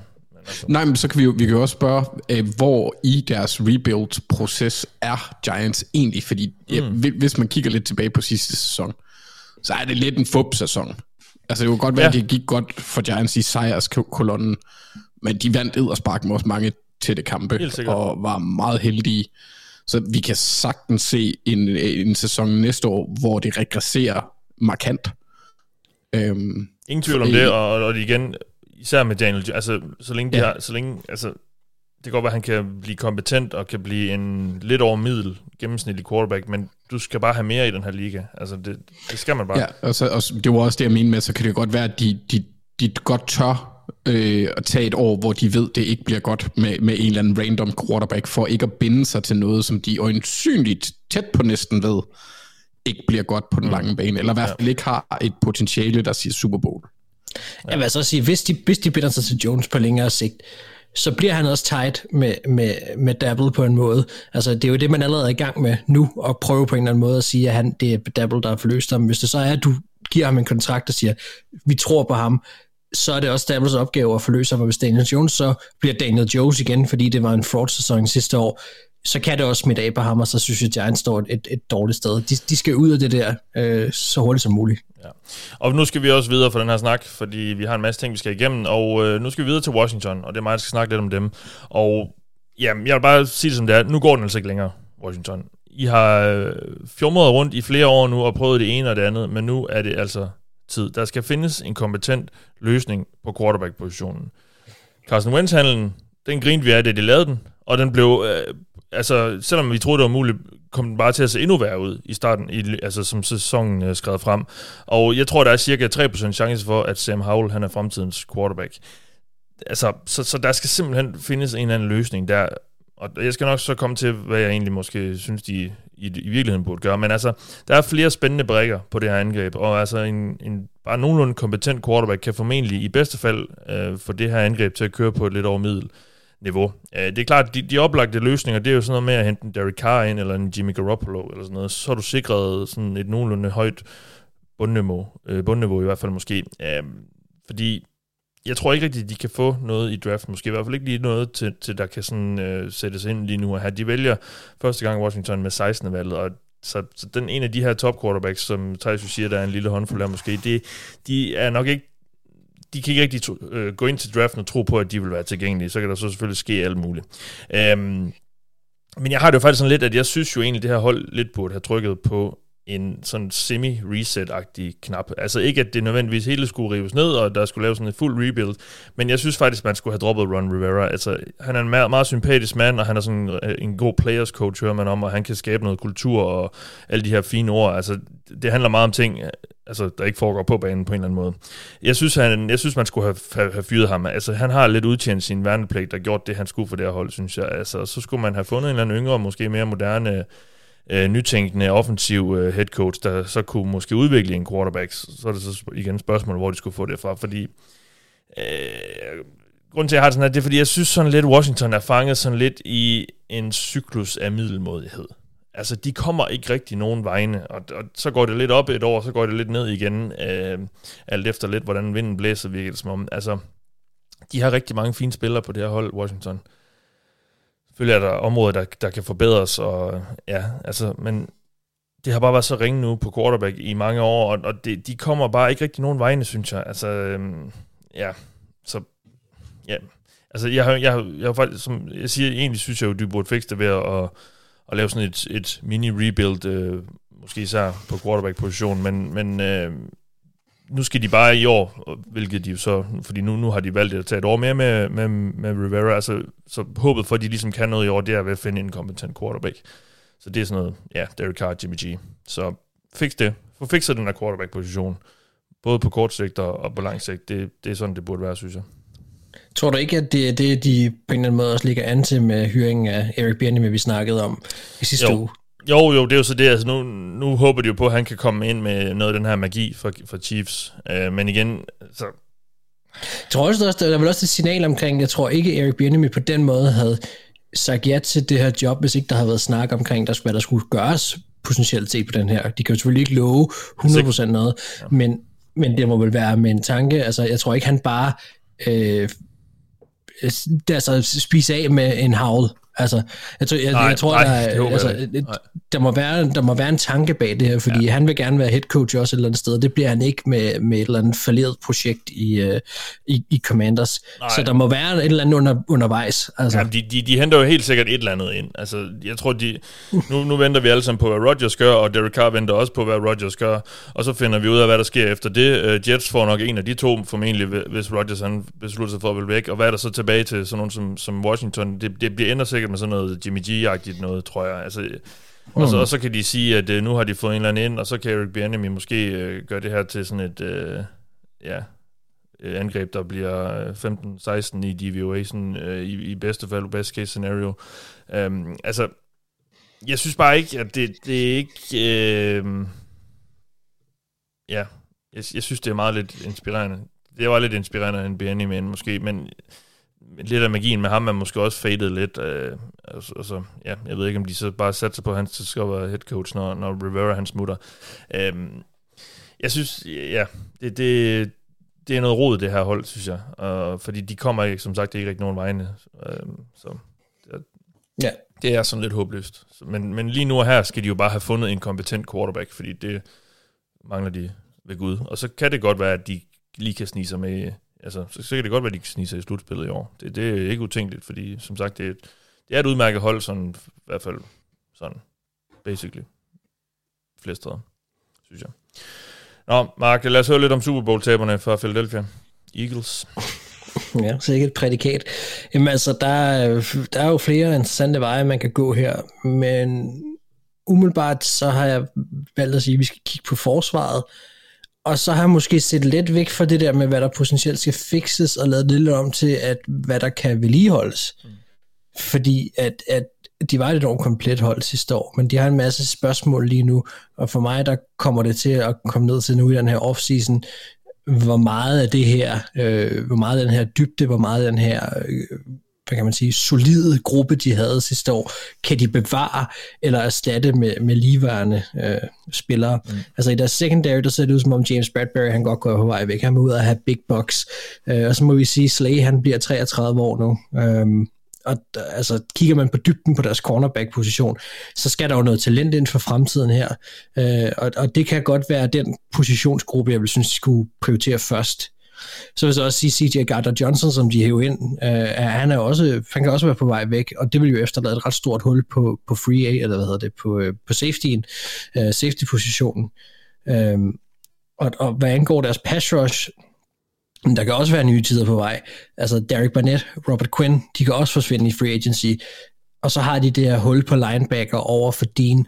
Øhm, og der kunne jeg jo godt tænke mig også, at de fik fat i en ung playmaker, øh, som jeg tror vil, vil løfte det her forsvar og, en- og en positionsgruppe, de har haft det svært ved en del år nu. Øhm, Javon Hargrave altså, er free, er free agent. Ja, også det er. Altså, det er jo, det er jo, det er jo et hold, som, som potentielt set egentlig kan blive ret skilt ad på forsvaret. Øh, og øh, og det, det er også derfor, jeg lidt har det sådan, jeg er egentlig ikke så interesseret i lige nu, hvad de skal fikse lige nu, men mere, hvordan de kan bevare det. Altså, fordi det, det, det var deres store styrke at være så komplette, som de var på begge sider af bolden, og, og de vil gerne ud og gøre det samme. De vil ud og vinde den Super Bowl næste år. Super, det, det, det tror jeg også, altså det tror jeg måske også godt, de kan, men, men det kræver, at de på en eller anden måde bevarer noget talent på forsvaret, fordi nu er hele trænerstaben jo også nærmest skiftet ud på nær deres head coach, ikke? så der skal på en eller anden måde noget kontinuitet ind i det her hold. Øhm, og, men jeg vil altså stadig mene, at det er forsvaret, øh, som hvis vi skal snakke om noget, der skal fixes, så er det forsvaret, der potentielt set kommer til at skulle blive fikset, og, og jeg synes, deres secondary, specielt deres cornerback-gruppe, hvis vi skal være mere specifikke, der hvor jeg kan se de største advarselslamper, komme til at blinke, øh, hvis, det, hvis det ender, som det gør, at nogle af de her free agents øh, kommer til at forlade klubben, hvilket de sikkert gør. Øh, så er der både et spørgsmål om, at der er kommer til at mangle noget rutineret talent, men så i cornerback-gruppen synes jeg også godt, at det er tid til at tænke over noget, nogle unge spillere, man skal begynde at få ind, fordi Darius Slay er, er aldrende. Altså, så der er helt klart noget der, de skal kigge på. Øhm, ja, Ja. Det, det er egentlig sådan mit bud, det er at forsvaret, altså hvis vi skal dykke dybere ned, så vil jeg kigge på på, det. secondary. Ja, ja. Tak for det. Lad os uh, høre om Dallas Cowboys, Thijs. Ja. Cowboys har egentlig været et godt hold på mange parametre øh, de sidste par år, og forsvaret har jo fungeret rigtig godt under Dan Quinn, selvom man, man har peget på alt muligt og siger, at kunne I ikke bruge en safety og en defensive tackle og en cornerback mere og så videre. Og derfor er jeg også lidt sådan nu, hvor Dan Quinn tager et år mere, så har jeg ikke tænkt mig at pege på forsvaret, som at der, der skal forskellige ting øh, tilføjes. Øh, for mig handler det om, at angrebet skal forløses på en, på en eller anden måde, fordi, fordi Cowboys angreb har været godt de sidste par år, i, i lange perioder, har vist mange gode ting, øh, både løbespillet og kastespillet har i perioder været rigtig fine, men det er som om det aldrig er blevet forløst, i hvert fald ikke i, i længere, over, over længere tid. Om det så har været trænerstaben, eller talentmassen, eller Dak Prescott, eller noget helt tredje, som har været årsagen til det, det ved, det, det, det ved jeg ikke, om, øh, om man bare lige kan pege på én ting, og, og Cowboys kommer også til at gøre nogle ting for at prøve at, at ændre på, på noget i hvert fald. De har i hvert fald skiftet offensiv koordinator nu her, og Kjell Moore røget videre, øh, og så kommer McCarthy til at tage lidt mere over offensivt. Om det så er, er, er løsningen på det, som jeg jo mener, at de skal fikse, fordi det er sådan på en eller anden måde at, at tage angrebet til det næste niveau, hvor det bliver en, en regelmæssig win condition mod de, også, også de gode forsvar og de gode hold. Fordi der har været lidt for mange udfald. Jeg personligt vil pege på, at de har brug for nogle bedre våben kaste, i kastespillet, som det, som Cowboys mest af alt har manglet. Øh, I hvert fald i 2022 øh, efter de traded af Murray Cooper væk, mm. så, så er, har det været C.D. Lamb og så en, en masse lidt ligegyldige spillere i kastespillet. Dalton Schultz er jo en fin tight end, men overhovedet ikke nogen difference maker. Michael Gallup kom tilbage fra sin skade og lignede ikke den samme spiller. De havde ikke en pålidelig tredje receiver, som de kunne sætte deres lid til. Så overordnet set, så håber jeg virkelig meget, at Cowboys går ud og finder en god receiver, og også gerne en, en tight end, hvis ikke de tror på, at Jake Ferguson eller Peyton Henderson virkelig kan tage et stort skridt frem. Og det, det er lidt det, jeg føler, der, der er behov for, hvis de skal tage og, og forløse det her hold, og forløse det her angreb, og forløse Dak Prescott. Øh, det er, at der skal mere til end bare CD Lamb. Ja. ja. Og enten skal der to receiver til, eller så skal Michael Gallup finde sit niveau fra før skaden. Øh, og det, det ved jeg ikke, om Michael Gallup kan. Det må, det må de jo vurdere, om hvor, hvor påvirket han har været af den her skade, han, havde, han fik i modslutningen af 2021-sæsonen. Um, ja. Så, så det, det, det er det, jeg synes, der skal ske hos, hos Cowboys. Man kan pege alle mulige andre steder, men i sidste ende, så handler det om, at angrebet ikke er blevet forløst 100%. Mm. Ja. Og øh, det kan godt være, at det ikke er nok med en receiver, der også skal en ny head coach til, men øh, det må man jo så tage i 2024. Ja, og nu, nu er det jo McCarthy, der virkelig står for det, fordi Kjell yes. Væk. Han, øh, han er lidt under pres, og vælger selvfølgelig øh, at, at tage noget mere ansvar, og så må han tage de tæsk og den fyreseddel, det koster, hvis angrebet bliver markant dårligere nu. Ja.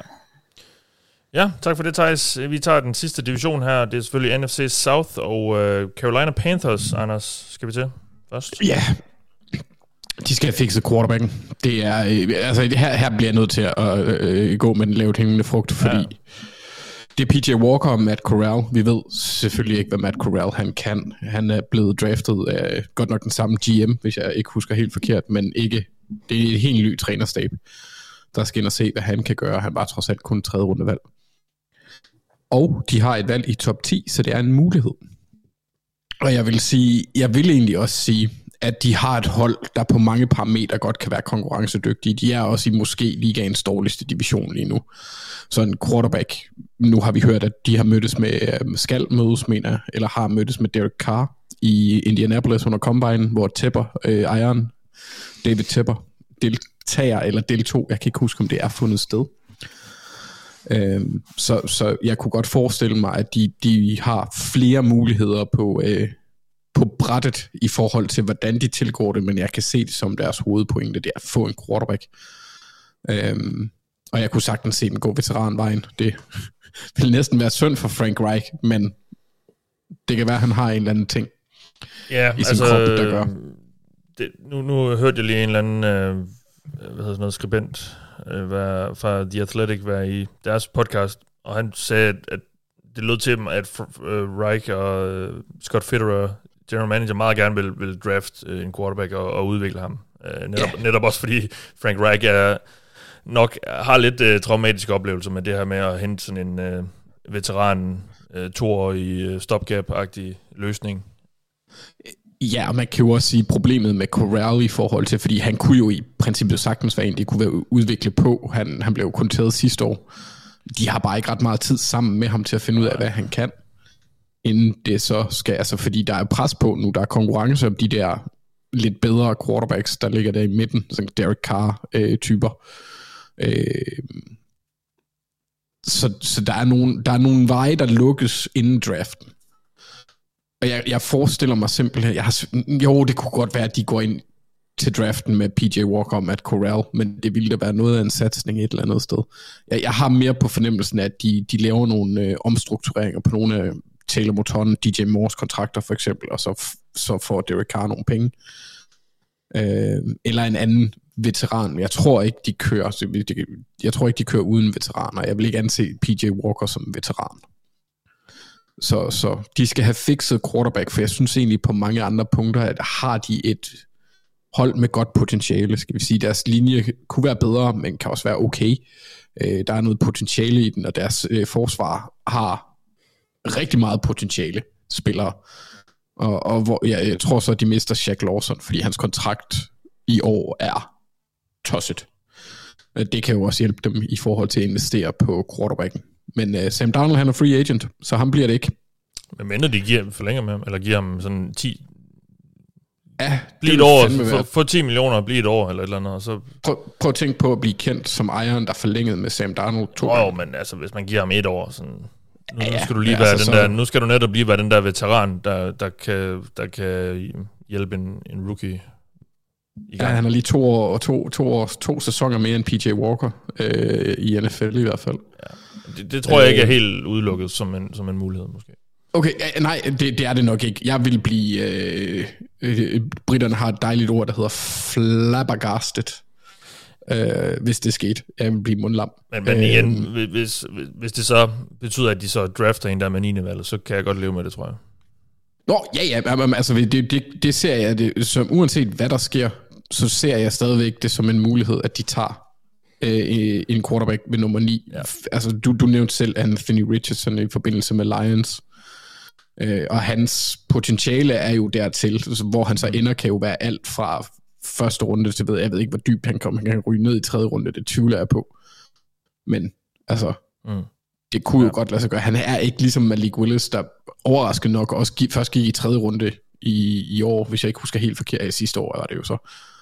Men altså, det, det, der er mulighed. Altså, han kunne være en spændende mulighed. Jeg tror også, at det vil kunne øh, live dem lidt op igen dernede i Carolina, som ikke rigtig har haft noget fedt og fest for, siden Cam Newton han var der.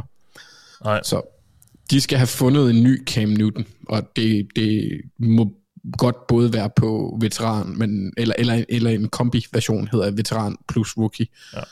Øhm, men, men ja, det, det er quarterback for fanden. De, de har ikke nogen og de kommer Nej. ingen vegne uden en. Nej, og øh, nu skal jeg snakke lidt om Atlanta Falcons, så det er sådan lidt samme situation. De har så måske en, og det er så lidt det, jeg er sådan lidt i tvivl om, og som også gør, jeg faktisk lidt i tvivl om, hvad jeg synes, der sådan er det helt vigtigste, fordi jeg har lidt lyst til at sige næsten alt, eller ah, måske, at de skal fikse i hvert fald forsvaret, rigtig mange steder på forsvaret. Alt andet end Grady Jarrett nærmest. Øhm, og AJ Terrell som godt nok havde lidt et, et, et, et skidt 2022, men han er en, en top cornerback, hvor vi går ud fra, at han i hvert fald kan vende tilbage til at være. På angrebet er, er der mange spændende ting. Linjen er, er, er ganske hederlig. Der, der er sjove våben i Carl Pitt selvfølgelig, og Drake London først og fremmest. Øhm, Tyler, Tyler Algier på, på running back er en, man også kan, kan, kan, kan bruge. Øhm, så, så det er enten sådan lidt øh, få, nogle, få nogle flere profiler ind på, på forsvaret, ellers så skal de have fikset den her quarterback-situation, og jeg kan, jeg kan sgu ikke helt blive enig med, hvad jeg synes, fordi øh, skal de give Ritter, Desmond Ritter, en, en chance mere? Altså skal de give ham et år mere, hvor, hvor de prøver at få ham i gang? Det, det ved jeg ikke helt, fordi det er det her, jeg kan ikke helt finde ud af, hvor det her Arthur Smith projekt lidt er på vej hen. Altså, øhm, Mariota er væk nu, og det, han var jo heller aldrig fremtidens mand, og og igen, jeg kan ikke helt finde ud af, hvordan de har det med, med, med Ritter, fordi jeg synes, de meldinger, der er kommet fra Arthur Smith i den her uge i forbindelse med hans interview til, til, til, eller til Combine, det tyder ikke rigtigt på, at de sådan er helt solgte på ham. Altså, de holder døren åben for, at, at, at der, der kan ske noget mere, lød det som om. Altså, og der er jo de her... Øh, ja, det er, jo ikke, det er jo ikke rygter, men det er jo sådan, der er mange, der sætter Lamar Jackson og, og Falcons i forbindelse, fordi det, det er der mange, der tænker, der vil give, der vil give god mening. Altså, så, så den spørger sådan lidt, den spørger sådan lidt i, i baggrunden. Um, så, så det handler lidt om sådan lidt, hvad der er syn på med Ritter. Jeg tror, jeg synes, de skal finde noget andet. Um, fordi jeg er ikke sikker på, at man... Altså, igen, og, og det er også med, hvor, hvor, hvor man er på tidslinjen med det her Arthur Smith-projekt, fordi nu er han et par år inde, altså skal, de, skal der ikke til at ske noget nu? Altså det skal der vel, og skal, skal han så have den her quarterback, han lidt kunne udvikle? Det fik han jo lidt sidste år i Ritter, men og så alligevel ikke, fordi han var tredje runde, men ham kan man jo droppe uden rigtig sådan at behøver at kigge sig ret meget over skulderen efter det. Altså så, jeg, jeg tror, jeg er endt med, at jeg synes, at, at at de skal have fikset quarterback-position, fordi de har igen et, et top 10-valg, det har de så haft i nogle år i træk nu jo. De har det 8. valg, altså, så, så der er også mulighed, for nu ved jeg godt, at vi har sendt, øh, øh, sagt, at mange hold skal tage en quarterback i, i top 10, men altså, det er ikke umuligt at tro, at de kan få en af de her fire quarterbacks. Øh, det bliver nok ikke Stroud og Bryce Young, men altså Richardson eller Will, øh, Will Levis øh, er, er der nok formentlig måske. Der tog en masse forbehold, men Tag ham, og så måske draft ham, hvis de er forelskede en af de to. Det er sådan, jeg tror, jeg, det, jeg synes, der er det vigtigste for, for Falcons, fordi det virker lidt som et hold, synes jeg, det snakker jeg jo så også om med, med Washington, der er sådan lidt, der, der står lidt i stampe måske, de, de er sådan lidt på et andet stadie måske end Washington, lidt mere øhm, nye, om man så må sige, men hvis, hvis det sådan for alvor skal, skal til at være noget perspektiv i det her, så synes jeg måske, at de skal tage en quarterback. Så jeg tror, det er det, jeg synes, de skal fikse. Altså få, få en eller anden klar linje på, på, hvad de vil på den her position. Det, jeg, jeg synes faktisk også, Mathias, det er ret interessant med Falcons, fordi vi har en eller anden, jeg har i hvert fald en fornemmelse af, at Arthur Smith er super kompetent, og, og laver ja. også nogle fornuftige ting, men jeg synes bare ikke, altså resultaterne afspejler det ikke. Nej, så kan man jo så vente om at sige... Det er fornemmelse. Ja, så kan man så også vente om at sige, at holdet har været på mange punkter ret dårligt de sidste par år, og de profiler, der har været, har været unge og, og sådan forholdsvis uforløste, måske stadigvæk nu med, med Pitts og London. Øhm, mm.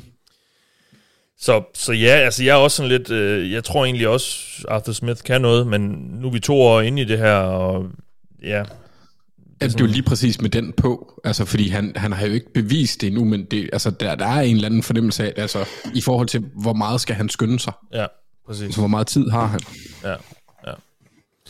Ja, det var, øh, det var Falcons diskussionen få fikset det der quarterback. Find ud af, hvad I vil. Det tror jeg, det er det, jeg sådan, øh, efterlyser mest. Og øh, nu skal vi til Tampa Bay, Mark. Kunne du ikke bare egentlig have sagt, uh, øh, NFC South, fix jeres quarterback-situation? Jo, jo, det er faktisk rigtigt. Det, um, jo. Fordi det, det er det samme, vi skal snakke om her, og jeg er ked af at være lidt en copycat, men altså, de har jo selv bragt sig i den situation. Det er jo så noget tomrum, der er efterladt, må man så sige, fra Tom Brady. Um, den fanger jeg godt, Mark. Tak. det var godt. Ja, det var, det var, det var, jeg, jeg, jeg, jeg udbrød, ha, da du sagde det. okay, Nå, men det er dejligt, der er nogen, der er, er med. Uh, okay, de har, de har nogle uh, free agents, som potentielt set efterlader en del huller på, faktisk på begge linjer.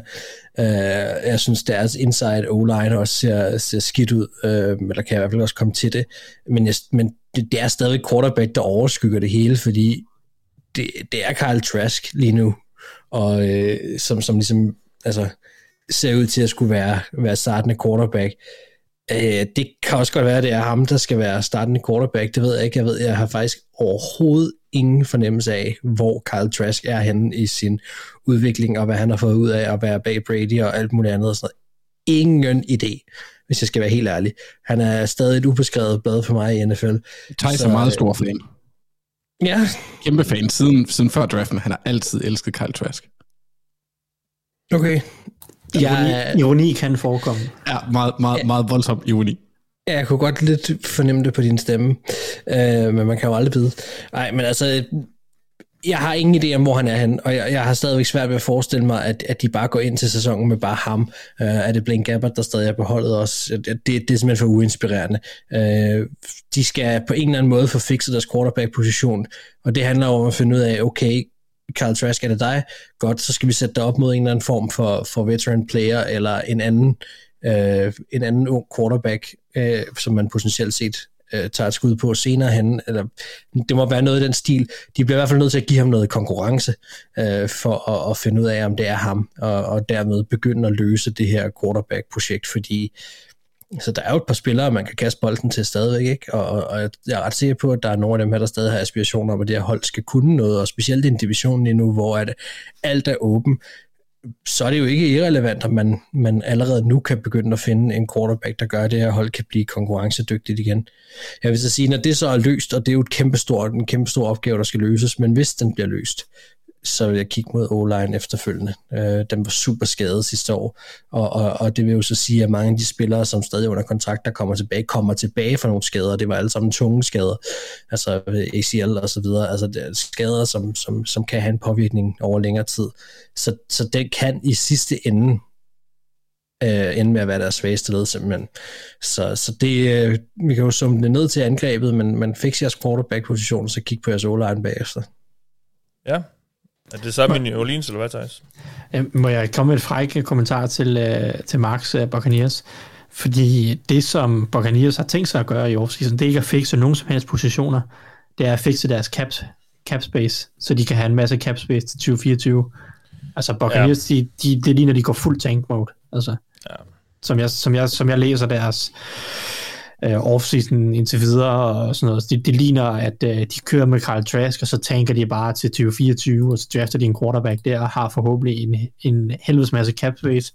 Så i år handler det om at komme af med nogle af de kontrakter, som vil kunne koste på cappen også i 2024. Mm.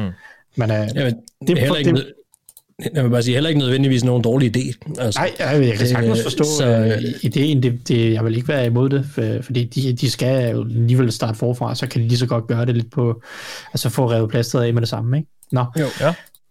Nå, til, til Saints. Ja.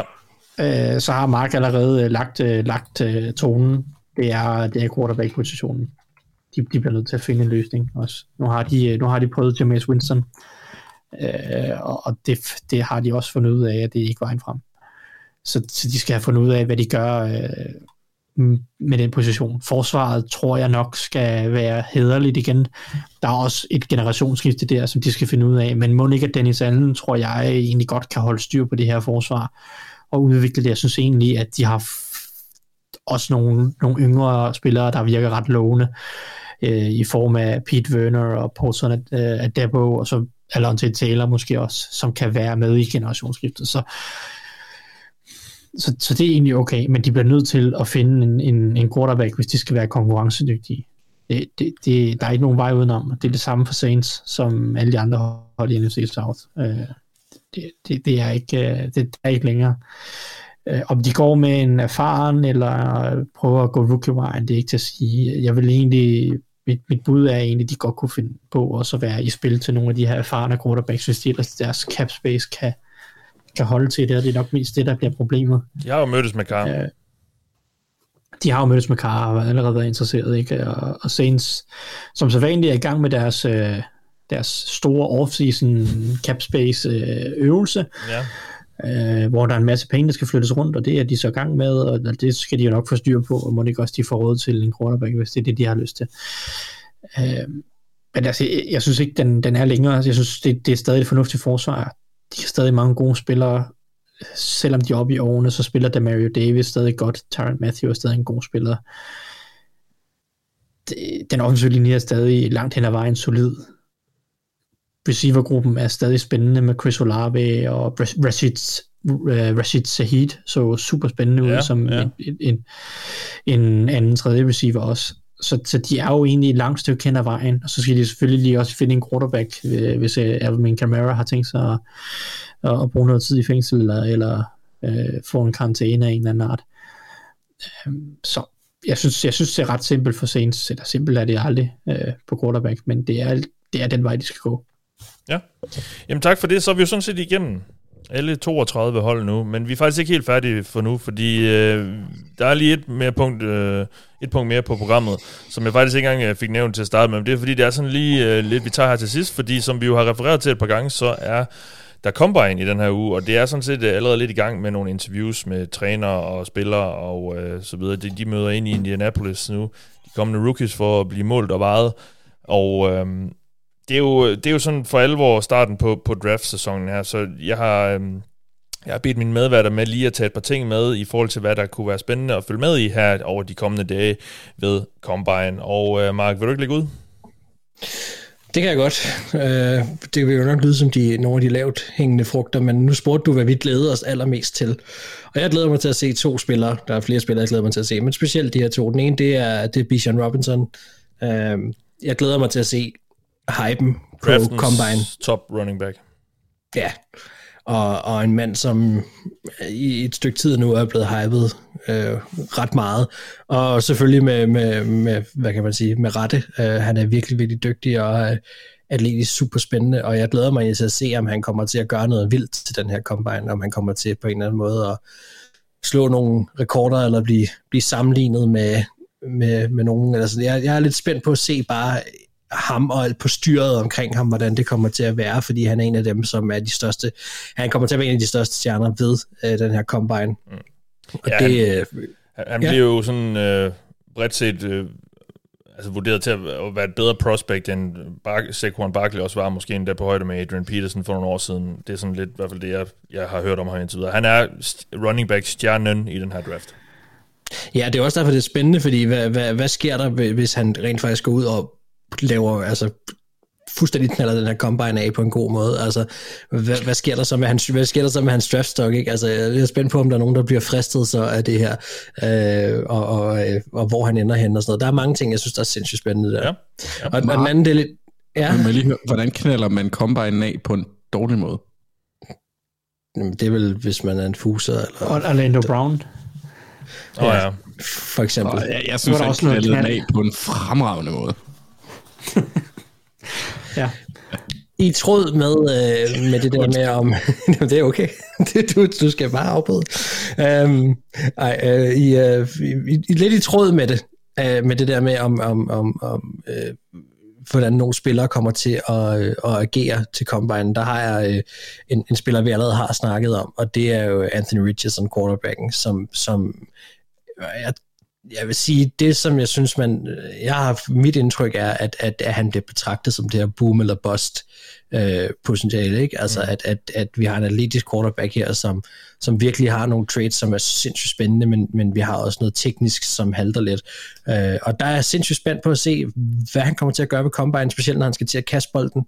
Altså, kan han levere en, en drøm af en Combine? Hvad rykker det så ved? Fordi for mig er han en spiller, som jeg vil forvente, kan køre hele første runde igennem nærmest. Altså, øh, øh han, kan, han kan flyve op og ned af bordsene, øh, afhængig af også, hvordan han gør til den her combine. Og det er klart, der er jo, der er jo mange ting der, der er nogle interviews og alt muligt andet, der også skal, skal spille ind.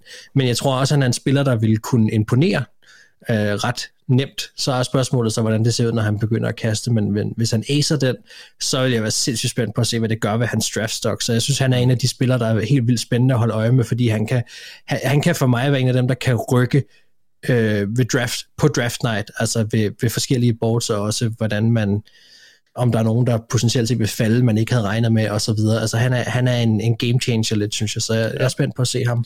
Ja, og øh, ham, han skal jo kaste, hvis nok, og det skal øh, CJ Stroud, hvis også, og Will Levis. Altså tre af de her fire top quarterbacks har, øh, skal efter, efter planen øh, deltage i de her kastøvelser ved Combine, og når jeg siger det, så er det fordi, det ikke er normalt. At, øh, Det er ikke, det er ikke bare givet, at de her top quarterback prospects gør det, fordi de er tit sådan øh, meget beskyttende over for, at, øh, for deres øh, output, om man så må sige. Altså, de vil gerne øh, vende med at gøre det til deres pro days, hvor de så kan have øvet alle kastene på forhånd, og være sikre på, at de har de receiver, de kender til daglig, og de har kendt de fra college osv. Men, men tre af de her fire navne øh, kaster altså, så, så vi får dem at se øh, på banen i Indianapolis, men der, der sker selvfølgelig et eller andet, med, med mindre der sker et eller andet øh, inden da, men altså, det, det bliver spændende at, se dem øh, folde sig ud der. Bryce Young kaster jo så ikke Formentlig Nej. fordi han er 20 pund, øh, 20 pund tungere, end han kommer til at spille i NFL. Ja, ja, han har spist pomfritter og drukket milkshakes nu i, i et par uger for, øh, for at veje over 200 pund og, øh, her til Combine, sådan så folk ikke tror, han, han falder sammen som en tændstik, når han bliver ramt. Øh, han er meget, meget lille, men det er jo så, øh, det skal vi nok øh, gå mere dybt med øh, løbende. Øh, han er bare i, i Indianapolis for at blive varet og så blive tjekket af nogle læger, helt sikkert. Og så selvfølgelig snakke med nogle hold. Øh, Anders, hvad glæder du dig til at følge? Jamen altså, øh, jeg er ikke nået så forfærdeligt langt i min draft-proces endnu. Øh, men jeg har, jeg, har, jeg, har, jeg har fundet ud af også, fordi vi kommer til at høre om ham, fordi han spiller på pit, eller spillede for pit, og spiller defensive tackle. Han er ikke særlig stor. Øh, så der kommer til at være nogle... Da- øh, og vanvittigt atletisk. Og hvem har også gjort samtidig. det? Øh, Han, hedder, han, ja, han, han kommer til at blive sammenlignet med Aaron Donald. Ja. Øh, det er en, der hedder øh, Ka- Kalijah Cansey, Ja. tror jeg, det hedder. Ja. Øhm, jamen, jeg vil hele tiden kalde ham Clancy, så jeg skulle bare lige mit hoved fucker lidt op der.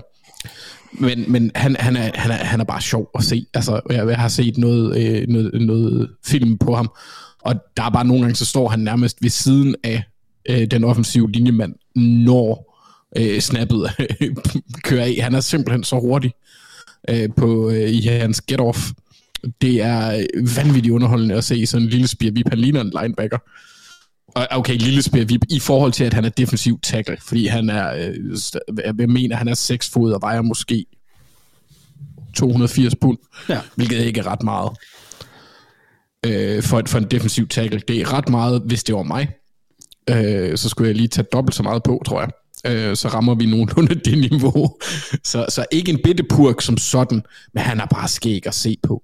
Øh, og så er jeg jeg er meget spændt på at se, hvor han ender også, fordi øh, jeg vil blive meget overrasket, hvis han ender med at være topvalg. Dertil er der simpelthen for mange spørgsmålstegn til, hvad han kan øh, som all-round-spiller. Jeg tror, som pass rusher, der har han noget, der virkelig kan gøre folk øh, fugtige i fugen. Jeg tror, han bliver valgt i første runde, og det vil heller ikke overraske mig, hvis det blev mellem 15 og 25. Så i Aaron Donald, øh, ej, han var 14, var han ikke, men lige der omkring. Ja, lidt lavere formentlig ja. End Aaron Donald, men, men jeg er lidt afhængig af, hvad der sker her til Combine. Ja. Så det vil overhovedet ikke overraske mig. For hvis han, nu, hvis han nu tester helt vanvittigt, så er der jo nogen, der kommer til at blive lidt halvsmåliderlige over de fordele, det også har at være så bitte på den, øh, hvis han har styrken til at holde det, det ved jeg jo så ikke så meget om.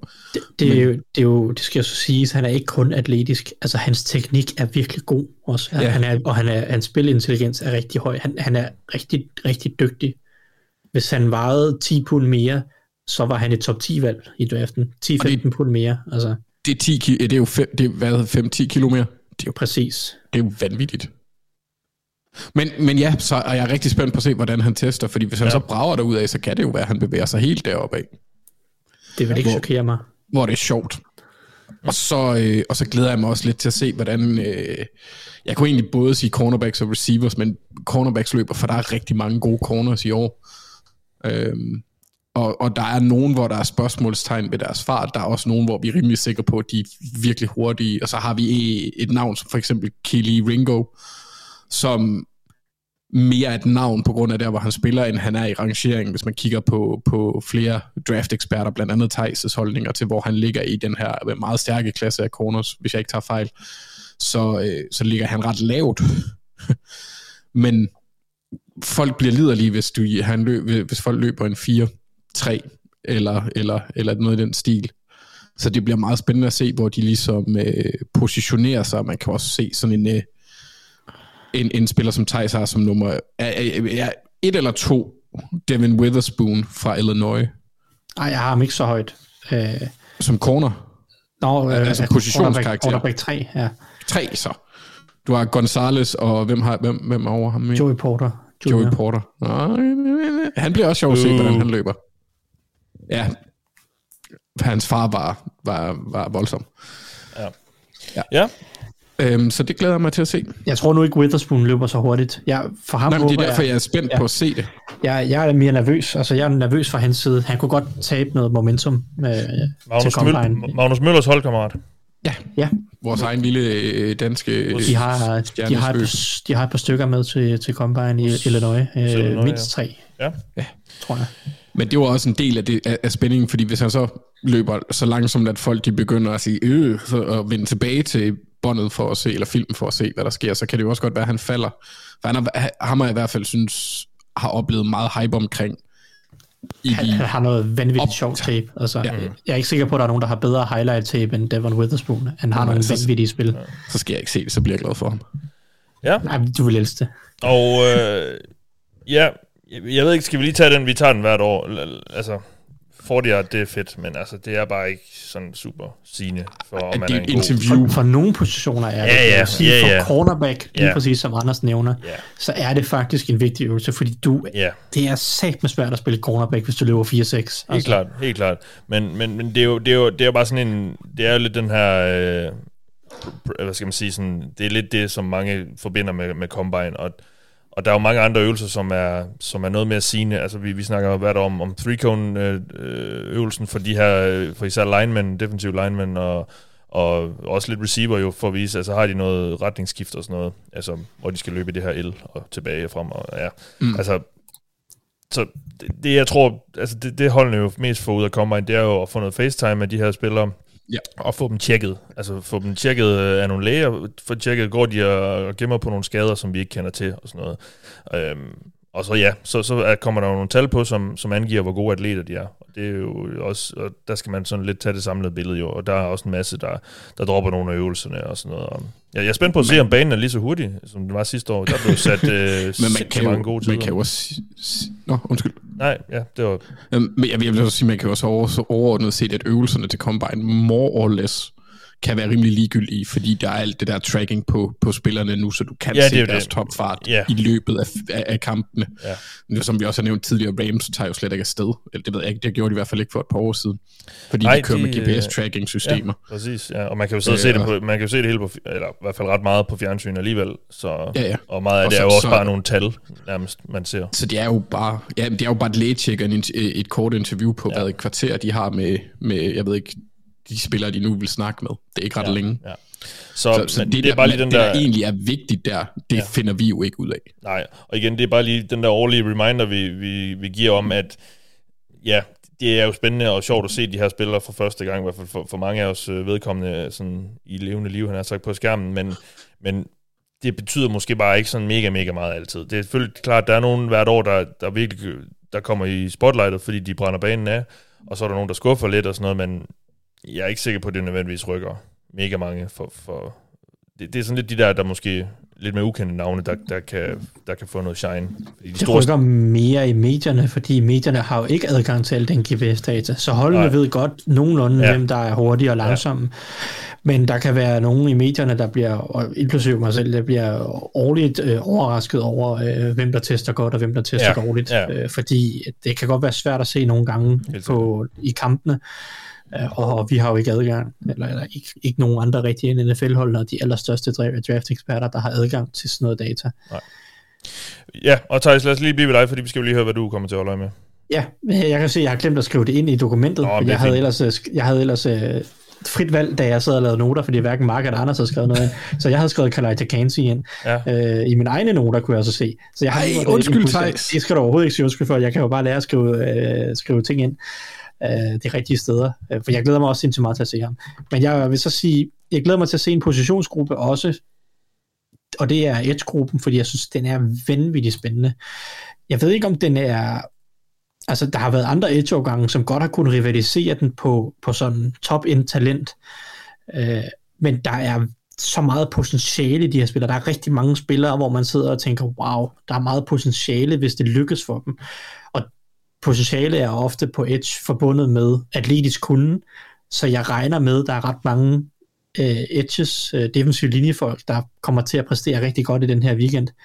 Og det glæder jeg mig til at se. Jeg tror, de, jeg tror, de kommer til at smide Joe øh, på banen her, og det, det er helt fra toppen af draften med Will Anderson og, og Miles Murphy, øh, og, og så længere ned til, til, til en lang række andre spændende spillere øh, på edge og, og, og defensive tackle. Det, det, det bliver sindssygt spændende, og desværre så får vi så ikke, øh, kan jeg regne ud, Jalen Carter at se, fordi han er kommet Nej. i problemer. Øh, Ja. øh, og har, Han er så ikke øh, Edge. han er så ikke et defensive tackle, men Nej. der er stadig mange andre defensive tackles, der bliver spændende at se her i weekenden. Ja. Øh, Ja, Jalen men- Carter, som jo er den helt store det, forsvarsstjerne måske i den her draft, men som øh, det er kommet ud i dag, at han er han var involveret i det her, øh, hvad skal man sige, trafikuheld, uheld, hvor en af, eller to af hans holdkammerater, eller i hvert fald to, en af hans holdkammerater, tror jeg det var, og en eller anden ansat øh, på Georgia mm. Universitetet døde, øh, og det er altså vist kommet frem, at de havde ligget og kørt sådan noget drag race-agtigt noget, og øh, har været også påvirket af alkohol og sådan noget, så han, der, var vist en arrestordre ude på ham, Jalen Ja, det, det, mis, det er misdemeanors, han er eftersygt for. Det er ikke noget, der kommer til Nej, at nej, ja, ja. hans Det er ikke karriere. for- Han har ikke slået nogen ihjel. Han har ikke slået nogen Nej. ihjel. Det er ikke det, jeg siger. Jo, ah, uaksomt måske, men Ja, men altså, han, altså, det, er jo, det er jo i samme, når jeg ser på det i samme grad, som når man ser en Todd Downing, der kører fuld, eller, eller Steve Keim, der kører fuld, eller sådan mm. den der principielle idiotiske det, sætter jo, det sætter jo store spørgsmålstegn ved hans dømmekraft, og det er jo klart, det er noget præcis. holdende, hvis, hvis man overvejer at tage ham med det første valg i draften, som Bears jo helt sikkert gør, hvis ikke de trader det, så øhm, er det jo noget, man vil have styr på. Så der er nogle store, store spørgsmålstegn ved, det, ved ham nu selvfølgelig, som skal Ja, afklares. de har et par måneder til at prøve at få afklaret det så meget som muligt. Ja, Øh, men det her, det koster sandsynligvis top 5, øh, hvis ikke top 10 øh, for godt, og så må, han, så må vi se, om det koster mere for mm. ham, fordi det er en ekstrem, ekstrem idiotisk beslutning. ja, ja. Så ham får vi ikke at se. Øh, det, var, det var der, vi kom fra. Øh, Han, øh, han skal lige snakke med politiet i stedet for. ja, og det er jo øh, sjældent et godt tegn. Ja, Men øh, så hvis jeg skal vælge en spiller ud over Khalid Kansas, som jeg glæder mig til at se også, og det er måske lidt med omvendt foretegn i forhold til Kansas forventer sig at teste helt godt, så glæder jeg mig faktisk meget til at se Michael Mayer, øh, som er den her tight end, som igennem hele efteråret og hele vinteren øh, har været hypet som den bedste tight end i årgangen. Øh, Øh, og han har aldrig været super atletisk. Han har vanvittigt gode hænder og og ret alsidig kan blokere, kan gribe og har, har bare en god fornemmelse for spillet. Øh, og han er en dygtig fodboldspiller, men spørgsmålet omkring ham har været, hvor dynamisk er han som atlet og som receiver? Fordi det er jo så der, der er andre spillere, for eksempel en Dalton Kincaid fra, fra Utah, som er lidt mere dynamisk, er lidt mere atletisk og en bedre ruteløber måske end Michael Mayer er. Og det, det har kostet hos mange statusen øh, for Mayer som, som den bedste tight end i draften, og nu er der nogen, der har ham som den næst, næstbedste eller tredje bedste tight end i draften.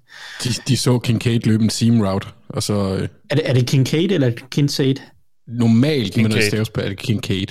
Kincaid, det er nok rigtigt. Dalton Men jeg ved Kincaid. ikke, om det er det med ham. Nej, det er jo også lige. Men Kincaid, han kommer så ikke til at gøre noget til Combine, fordi han har en lille rygskade, som han stadig plejer. Mm. Uh, men, men, men Michael Mayer bliver interessant at se, fordi hvordan tester han? Tester han gennemsnitligt, så tror jeg, at han godt kan få svært ved at blive valgt i første runde. Tester han fornuftigt og godt over middel, så tror jeg stadig, at han er spillet til første runde. Overrasker han og tester decideret godt, så er jeg ret sikker på, at han bliver valgt i første runde. Øh, det, det bliver interessant at se. Øh, Der, der er meget på spil for ham, og måske også for Darnell Washington, en anden tight end, øh, som, som er stor, kæmpestor, mm. øh, og ret eksplosiv, og formentlig også rimelig hurtig. Øh, der, der kan vindes og tabes øh, nogle penge der på tight end. Jeg vil Ja. også være at nævne Luke, Luke Musgrave, så tight end er også en spændende position, som jeg vil have lidt fokus på. Thijs, må jeg lige høre noget øh, i Ja. ja. forhold til, når du har kigget på øh, Notre Dame-spillere. Ja. Der har de så sådan en ting med, at de godt vil rekruttere spillere, der har virkelig store pander og meget firkantede hoveder.